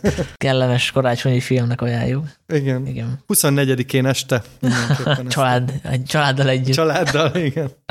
Van néhány olyan film, amit én most spótoltam be, nagy hiányosság volt. Hát egyébként a telivérek is ilyen volt, de ilyen volt például a The Meyerowitz Stories, ugye a Noah Baumbachnak a családi filmje, ő is mindig ilyen családi vagy párkapcsolati történeteket készít, és igazából nekem ez, ez tetszett, ugye ez egy Netflixes bemutató volt, de hogyha mondjuk a házassági történet előtt látom, akkor lehet, hogy még jobban tetszik. De így, hogy most már így, hogy a házassági történet után láttam, ami majdnem egy tökéletes film, így azért láttam benne a hibákat, egy picit talán így szétesőbb a kelleténél, tehát hogy dramaturgiák lehet, hogy lehetne feszesebb. Meg ugye itt az a fő kérdés, hogy ezzel, ezzel a családfővel, meg ezzel a családdal tudsz azonosulni, ezzel a New Yorki családdal, akik mindenféle gondja és ezért szerintem egy kicsit távol van a mi valóságunktól, az ő, ő valóságuk. Nekem pont ez volt a probléma ezzel a filmmel, hogy, hogy érdekes egy ilyen családot nézni, de valahogy olyan, olyan távol, távol éreztem magamtól, szóval úgy néztem őket egy kicsit, mint ilyen egzotikus állatokat, és az nem tesz jót egy egyébként ilyen érzékeny családi drámának. Vagyis hát nem is dráma, inkább ilyen dramedinek nevezném. Mm, igen, igen. Neked vannak még? Én még felírtam egy pár címet, amit így ajánlanék mindenkinek ilyen uh, le, lemaradt listámról, vagy, vagy pont ilyen rosszkor jött ki, és nem írtam fel, pedig megérdemli. Az egyik ilyen a Columbus című film, uh-huh. ami a Kogonada Kogonada nevű internet, vagy a YouTube-on gyönyörű filmesszéket kreáló úriembernek a egyébként dél, azt hiszem dél-koreai és film teoretikus, vagy, vagy hát ilyen film, film művészetet tanult. Neki az első bemutatkozó rendezése, ami szerintem egy nagyon-nagyon szuper film. A különlegességét az adja, hogy ez a Columbus városa, ez most nem úrik be, hogy melyik állam pontosan, de ez ilyen Midwest, tehát középnyugaton van, és építészetileg nagyon izgalmas, mert hogy oda mentek ilyen kísérletező építészek a 60-as, 70-es években, és nagyon fura épületeket húztak fel, és ebben a városban játszódik, és, a, és egy, egy férfi tér vissza, aki így a családjával próbálja rendezni a viszonyt, ha jól emlékszem, és egy nagyon hangulatos, szerintem méltatlanul keveset emlegetett uh, film. Ja, én ezt újra néztem másodszorra, tehát hogy kicsit kevésbé tetszett, mint elsőre. Ez itt tényleg egy nagyon meditatív film, tehát ez olyan lelki állapotba kell lenni, hogy, hogy rá tudj hangolódni, mert tényleg nem sok minden történik benne. Kicsit egy ilyen európai szellemiségű film. Igen, mondom, én, én nekem ez maradt meg, most nem néztem újra, de ez maradt meg, hogy, hogy, hogy ez a, a, a háttér, egyébként az Indián államban van ez a Kolumbusz, és szóval, hogy ez a, ez a, ez a különleges város, ez, ez így nagyon elviszi ezt a, egyébként tényleg a sztori az, az, az gyakorlatilag záró jelezhető. És akkor mondok, mondok még egyet, ez szintén nagy kedvencem, ez a The Nile Hilton Incident, aminek nem tudom, hogy volt-e magyar címe. Ez egy Egyiptomban játszódó Hát én azt mondanám rá, hogy noir, és ez tényleg úgy kell érteni, hogy ez egy nagyon klasszikus vonalvezetésű film noir, egy nyomozás története, arab szereplőkkel természetesen, és a különlegessége az, hogy ez tényleg Kairóban játszódik, szóval a nagyvárosi dzsungel az adott, de egy teljesen műfajban nagyon ritkán látható környezetben játszódik, arab nyelven. Szóval ez egy igazi különlegesség. Ja, ezt én láttam a Szigesi műfaji fesztiválon Katalóniába, és ő nem tett rám túl nagy benyomást, de szerintem ez annak köszönhető, hogy a, szerintem az első nap lehetett, mikor megérkeztünk, és ugye ilyenkor mindig az van, hogy hajnalba kell az ember a, a hajnali négykor kiérjen a repülőtérre, és ugye nyilván beülök egy este tízes filmre, akkor már ő, mosott fekália vagyok, hogy mondjam. Ö, igen, meg ugye itt a, ennek a filmnek, mivel hogy arabul játszódik, vagy az arab, arab a, a, nagyon kell figyelni szerintem a, a feliratokra, és azért néha így kapkodják a feliratokat, szóval azért Igen. kicsit gyorsabb a nyelv, és uh, szerintem ezt, ezt fáradtan azért ezt nehéz követni. Úgyhogy esetleg egyszer, ha így unatkozol, és egy ilyen különleges noára vágysz, akkor ezt nézd újra. Hát ha már műfaj, akkor én a horror műfajában ö, ajánlanám a Téli Menedék, The Lodge című filmet, ami a osztrák Severin Fiala és Veronika Franznak a, a filmje, ami uh, egy tök izgalmas horror, és uh, ugye arról szól, hogy a, uh, megözvegyül egy, egy férfi, és a, az új feleségét, nála jóval fiatal feleségét a gyerekei nem akarják annyira elfogadni, és ugye azt találja ki, hogy egy téli menedékházban majd jól összemelegednek, ami ugye nem sül ki túl jól, főleg mert hogy a, a nőről kiderül az új feleségről, hogy ő egy gyerekként egy szektában volt, ahol az apja volt a szektavezető, és ő élte egyedül túl ezt a, a szektát, mindenki más öngyilkos lett, úgyhogy, és aki ismeri ezt a, ezt a két rendezőt, azt tudja, hogy ők hát nem nagyon kímélik a nézőket, elég, elég durva dolgokat találnak ki a filmjeikben, úgyhogy ezt is ajánlom a műfaj kedvelőinek. Szerintem a magyar filmeket azért említsünk még. Igen, azt, pont azt akartam mondani, hogy ugye 2017-ben volt egy film, amit, amihez nagyon furán viszonyultunk, vártuk, de azért vártuk, mert tudtuk, hogy pusztító lesz. Nem tudom, hogy tudod, hogy mire gondolok, Sanyi? Nem. Együtt voltunk a vetítésen, ami szintén bizarr élmény volt. Uha. Szóval, ha azt mondom, hogy, hogy P, P, P. P, P. Jó, a Papa P. Papa P, pontosan. Rosszul emlékszem, én ezt nem veled láttam. Ja, akkor, akkor lehet, hogy Dénessel láttam. Igen. Na, most mindegy. nincs itt, úgyhogy nem, nem tud ellenmondani. Ez a magyar trashnek a, szerintem az egyik csúcsa. Igen, egyébként én most, most így eszembe jutott, én ezért fizettem a filmet, úgyhogy ha te sajtóvetítésen hát, láttad, akkor nem együtt láttam. Sajtóvetítésen. A, már azért volt bizarr, mert nem mindegy, ez biztos volt. Jó, de tényleg említsünk azért jó magyar filmeket. Hát a... én nem Papapiára gondoltam, hanem mondjuk az 1945-re Török Ferencnek a filmjére, amit egyébként Berlinben is díjaztak valami kisebb díjjal, ugye ez egy fekete-fehér történet, dráma a második világháború utánról, amikor uh, hazatér két uh, zsidó, a zsidó ember a faluba, és a rossz lelkiismerettel birkózó falusiak ettől kicsit bekattannak. Ugye itt a Rudolf Péter, a, akit ki lehet emelni, aki eléggé átalakult egy ilyen uh, kövér, kopasz helyi kiskirályjá. Illetve az egy nő fogságban, ami még elég szép karriert futott be, azt hiszem, hogy talán a Sundance-en debütált, ha jól emlékszem. Uh, igen, valami nagyobb fesztivál. Igen, és ez a, mondom a rendező nevét, mert megérdemli, ez a Tuza Ritter Bernadette-nek a filmje. Ugye ez egy dokumentumfilm, egy rabszolga sorsban tartott nőről szól, illetve hogy hogyan szabadul meg, és ugye itt az a érdekesség, ugye, hogy itt ebben a idézőjelben rabszolgaságban is tudott forgatni egy különféle ürügyekkel, úgyhogy ez tényleg olyan film, amiért azért nem nagyon sűrűn lát az ember. Ajánlom annak, aki be tudja szerezni. Azt hiszem, hogy annyi, annyi hátránya van a, a világhálón kerengő kópiáknak, hogy az talán egy rövidített változat ahhoz képest, ami a fesztiválokon ment. Valamiért a, úgy tudom, hogy a tévében leadták, leadtak egy rövidített változatot, és az férhető most hozzá a fájcserélőkön. Úgyhogy inkább a eredetit ajánlom, az eredeti verziót. Igen, csak sajnos ezek a filmek ugye nem jelennek meg DVD-n, vagy Blu-ray-en, vagy ilyen, ilyen streamingen sem, ami remélhetőleg majd változni fog. És tényleg ilyen tévés ripek szoktak keringeni, ami azért nem mindig az igazi. Akkor én is mondok, mert azért nem a papa fiát írtam fel természetesen, nehogy, az, nehogy azt gondold, de a, nekem emlékezetes film volt az Állampolgár, ami ugye egy bissau férfinak így a beilleszkedése Magyarországra, és a bürokrácia konkurenciával való harca, ami szerintem azon túl, hogy amikor kijött nagyon aktuális volt, és, és szerintem fontos szerepet töltött be, teljesen jó, jó film enélkül is, tehát engem mindig izgatnak az ilyen kultúrák találkozásai, meg a beilleszkedés kérdései, és, és szerintem ez a film így jól elkapott ebből valamit, úgyhogy ezt ezt szerintem érdemes megemlíteni. Igen. Ez a film, ami valószínűleg most nem készülne el a mostani film támogatói hát, rendszerbe. Nem tudjuk, lehet, hogy igen. És nekem még egyébként tetszett a, a Coyote című film 2017-ből, a hibái, hibáival együtt is. Ilyen üdítő, üdítő volt ez a westernes alaphelyzet, ugye itt is egy ilyen birtokvita, helyi kis király, zömmel határon színészek játszottak benne, nagyon friss arcok volt, és Igen. én ezt élveztem, ezt a filmet. Annak ellenére, hogy, hogy azért alkattak vele tempógondok, és tehát nem egy ilyen, nem egy ilyen hibátlan valami, ugye ez egy első film. Igen, egy nagyon dühös első film. Azt nem is, arra nem is emlékszem, hogy miért, miért volt ez valami botránya bemutató kapcsán. Azt tudom, hogy a végén fölkerült a YouTube-ra, föltette a rendező vagy a forgalmazó. Uh, megmondom össze, hogy már én sem emlékszem, hogy talán valami nyilatkozatok voltak, ugye a rendező a Kostyán Márk és a nem, most nem, gyorsan akartam mondani a producert, aki, aki a, a kutat is eltüntette.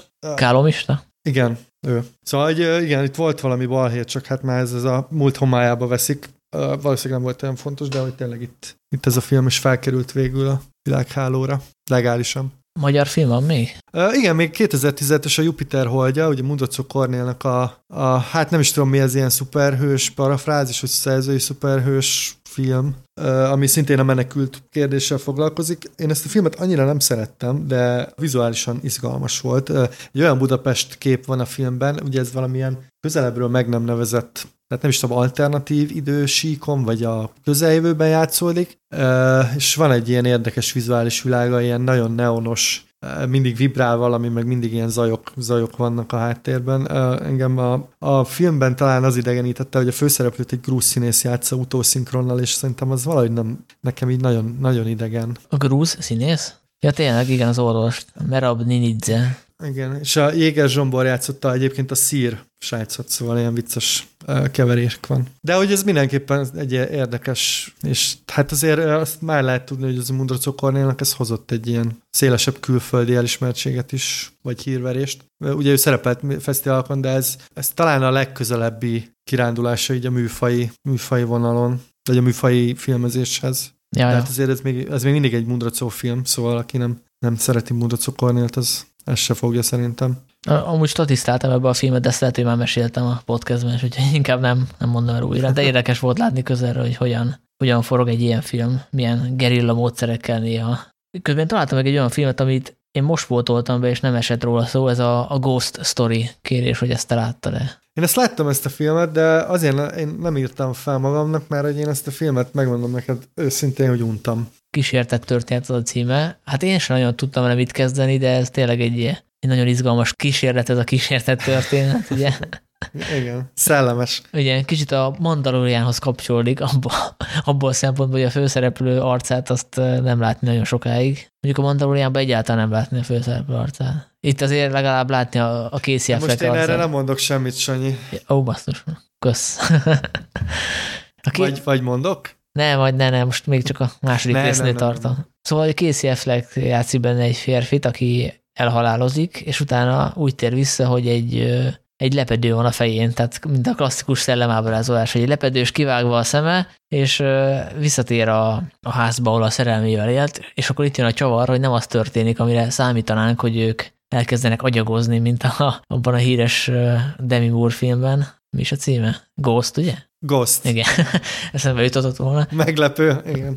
Bár hogy ők nem tudnak kapcsolatba lépni egymással, és a szellem szemén keresztül látjuk, ahogy telik az idő, hirtelen ugrik tíz évet, húsz évet, százat, aztán vissza is megy, tehát hogy, hogy teljesen unortodox módon látjuk ezt az egész szellemvilágot. De sokan írták erről a filmről, hogy ez egy tök izgalmas rövid film, másfél órában, és jobb lenne rövid filmként, mert nincs benne ennyi de kétségkívül átmondani, hogy meditatív, izgalmas képek vannak benne, hogy én, aki, aki szereti a kísérleti filmeket, annak ajánlom azért. Igen, ez abszolút meditatív, ez, ez, ezzel maximálisan egyetért.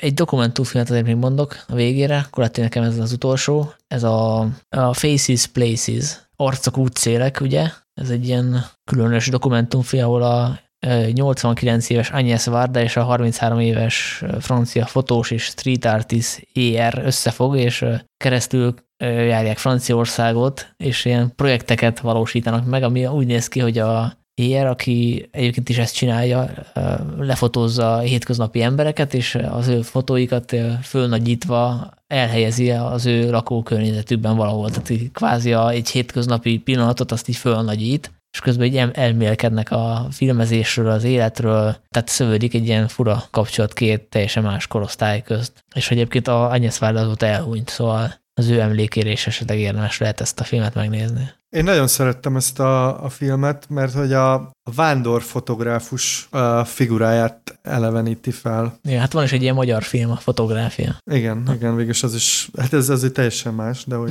ez a... hát abból a szempontból nem, hogy itt is szembesíti az embereket a saját magukról alkotott képükkel, azzal, hogy lefotózza Igen, őket. igen, igen, csak hogy itt, itt ugye teljesen, itt, itt azért ez egy, ez egy ilyen pozitív, abszolút segítik ezeket a közösségeket, meg, meg egy ilyen, tényleg ilyen, van benne egy ilyen road, road movie feeling, mert hogy tényleg több helyen járnak Franciaországban, és tök érdekes helyekre eljutnak. Ugye a fotográfiában találnak egy sztorit, és akkor arra elindulnak. Igen. De hát mindenki hallgassa meg azt a podcastet, ahol ezt te bővebben elemezted. És akkor még egy újranézés, mert tényleg az utolsó részemről, csak egy tanulságképet, hogy néha azért nem veszélyeket is ejt az ember újra néz filmeket. Én újra néztem az I Love You Daddy című Louis C.K. filmet, ami ugye teljesen eltűnt a sülyeztőben, mert egy akkor került egy botrányba, igen. és emiatt a netre fölkerült, de amúgy a moziban mutató az elmaradt, és nekem elsőre tetszett, és hogy másodszor már annyira nem, mert hogy ugye a Louis C.K., hogyha önmagát kell játszani a saját sorozatában, akkor jó színésznek mondható, de amikor már egy John malkovich kéne párba lennie, vagy akár csak egy Chloe Grace Moretz, akkor azért kiderül, hogy neki elég komoly korlátai vannak, és nagyon kilóg ebből a filmből. Tehát, hogy ő nem egy Woody Allen, holott azért lehet, hogy vannak ilyen ambíciói. Ez a film is fekete-fehérbe forgott, ami szerintem fölösleges manír. Forgatókönyvön is lehetett volna dolgozni, szóval egy ígéretes film, van benne jó jelenetek, de de így másodszor már egy kicsit csalódás volt. Azt láttam, hogy te négy csillagot adtál a Letterboxon, úgyhogy lehet, hogyha újra nézed. Mert én nem néztem újra, valószínűleg, hogyha újra nézném, akkor, és ezt is, én még ezt a Torontói Filmfesztiválon láttam, ahol Louis C.K. utána tartott egy ilyen félig stand-up, félig Q&A-t, ami nyilván utána így azért megszalad a kezed a csillagokkal, szóval azért le, lehet, hogyha, lehet, hogyha most újra nézném, akkor nekem se Igen. Tetszene annyira. Úgyhogy akkor az a tanulság, hogy nem nézem újra, és egy ilyen szép emlék. Igen, marad. igen. Esetleg még valami utoljára neked van, hogy valami pozitívval fejezzük be? Akkor mondok, mondok egyet, ami, amiről így beszéltünk podcastben. Most nem néztem újra, de majd szerintem újra nézem pár év múlva, ha elég öreg leszek hozzá. Ez a Trainspotting 2 ami nekem egy tök kellemes meglepetés volt, mert hogy nem gondoltam volna, hogy a Trainspottingot így érdemes is kell és lehet folytatni, de azt hiszem erről annó beszéltünk, hogy, hogy érdekesen viszonyult ez a film a saját előképéhez, meg így a, az öregedéshez. Igen, nekem is kellemes élmény volt, és uh, körülményekre is emlékszem, mert ezt uh, Londonban láttam. Hát akkor gondolom főleg kellemes volt. Na jó, szerintem akkor lezárjuk ezt a hosszúra nyúlt adást, és azt nem tudom még, hogy hogyan lesz a folytatás. Ugye erről beszéltünk, hogy esetleg össze kéne vonni a következő két évet, mert sok értelme nincs mondjuk egy 2019-es év összegzőt csinálni, amikor ugye csak az egy éve korábbi podcastot kell ehhez meghallgatni. Meg én már most is éreztem, hogy azért nagyon sok filmről így nagyon friss az élményem relatíve, vagy nem tudom, te hogy voltál ezzel, szóval... Hát igen, de így viszont sokkal, többet, sokkal több filmet tudtam pótolni, mint korábban. Tehát most ar- arra mentem rá. Igen, csak én is azért már itt néztem olyan filmeket, amiket így nem feltétlenül kellett volna pótolnom. Igen. De nem baj, ez sose baj, szóval. Szóval ebbe a sorozatban azért lesz még egy fixadás, ugye a finálé, a nagy grandiózus finálé. Valószínűleg akkor lesz egy fölvezetés, ahol szerintem összevonva esetleg a következő két évet, tehát a 18-19-et összegezzük, aztán ki tudja, lehet, hogy valami bónusz is lesz, de akkor ez valószínűleg már jövőre csúszik. De köszönjük szépen a, természetesen a további figyelmet és kitartást, úgyhogy találkozunk talán még idén, majd kiderül. Biztos találkozunk még idén. Igen? Jó. Suspense kiderül. Ja, igen. Na, úgyhogy köszönjük szépen a figyelmet, sziasztok! Sziasztok!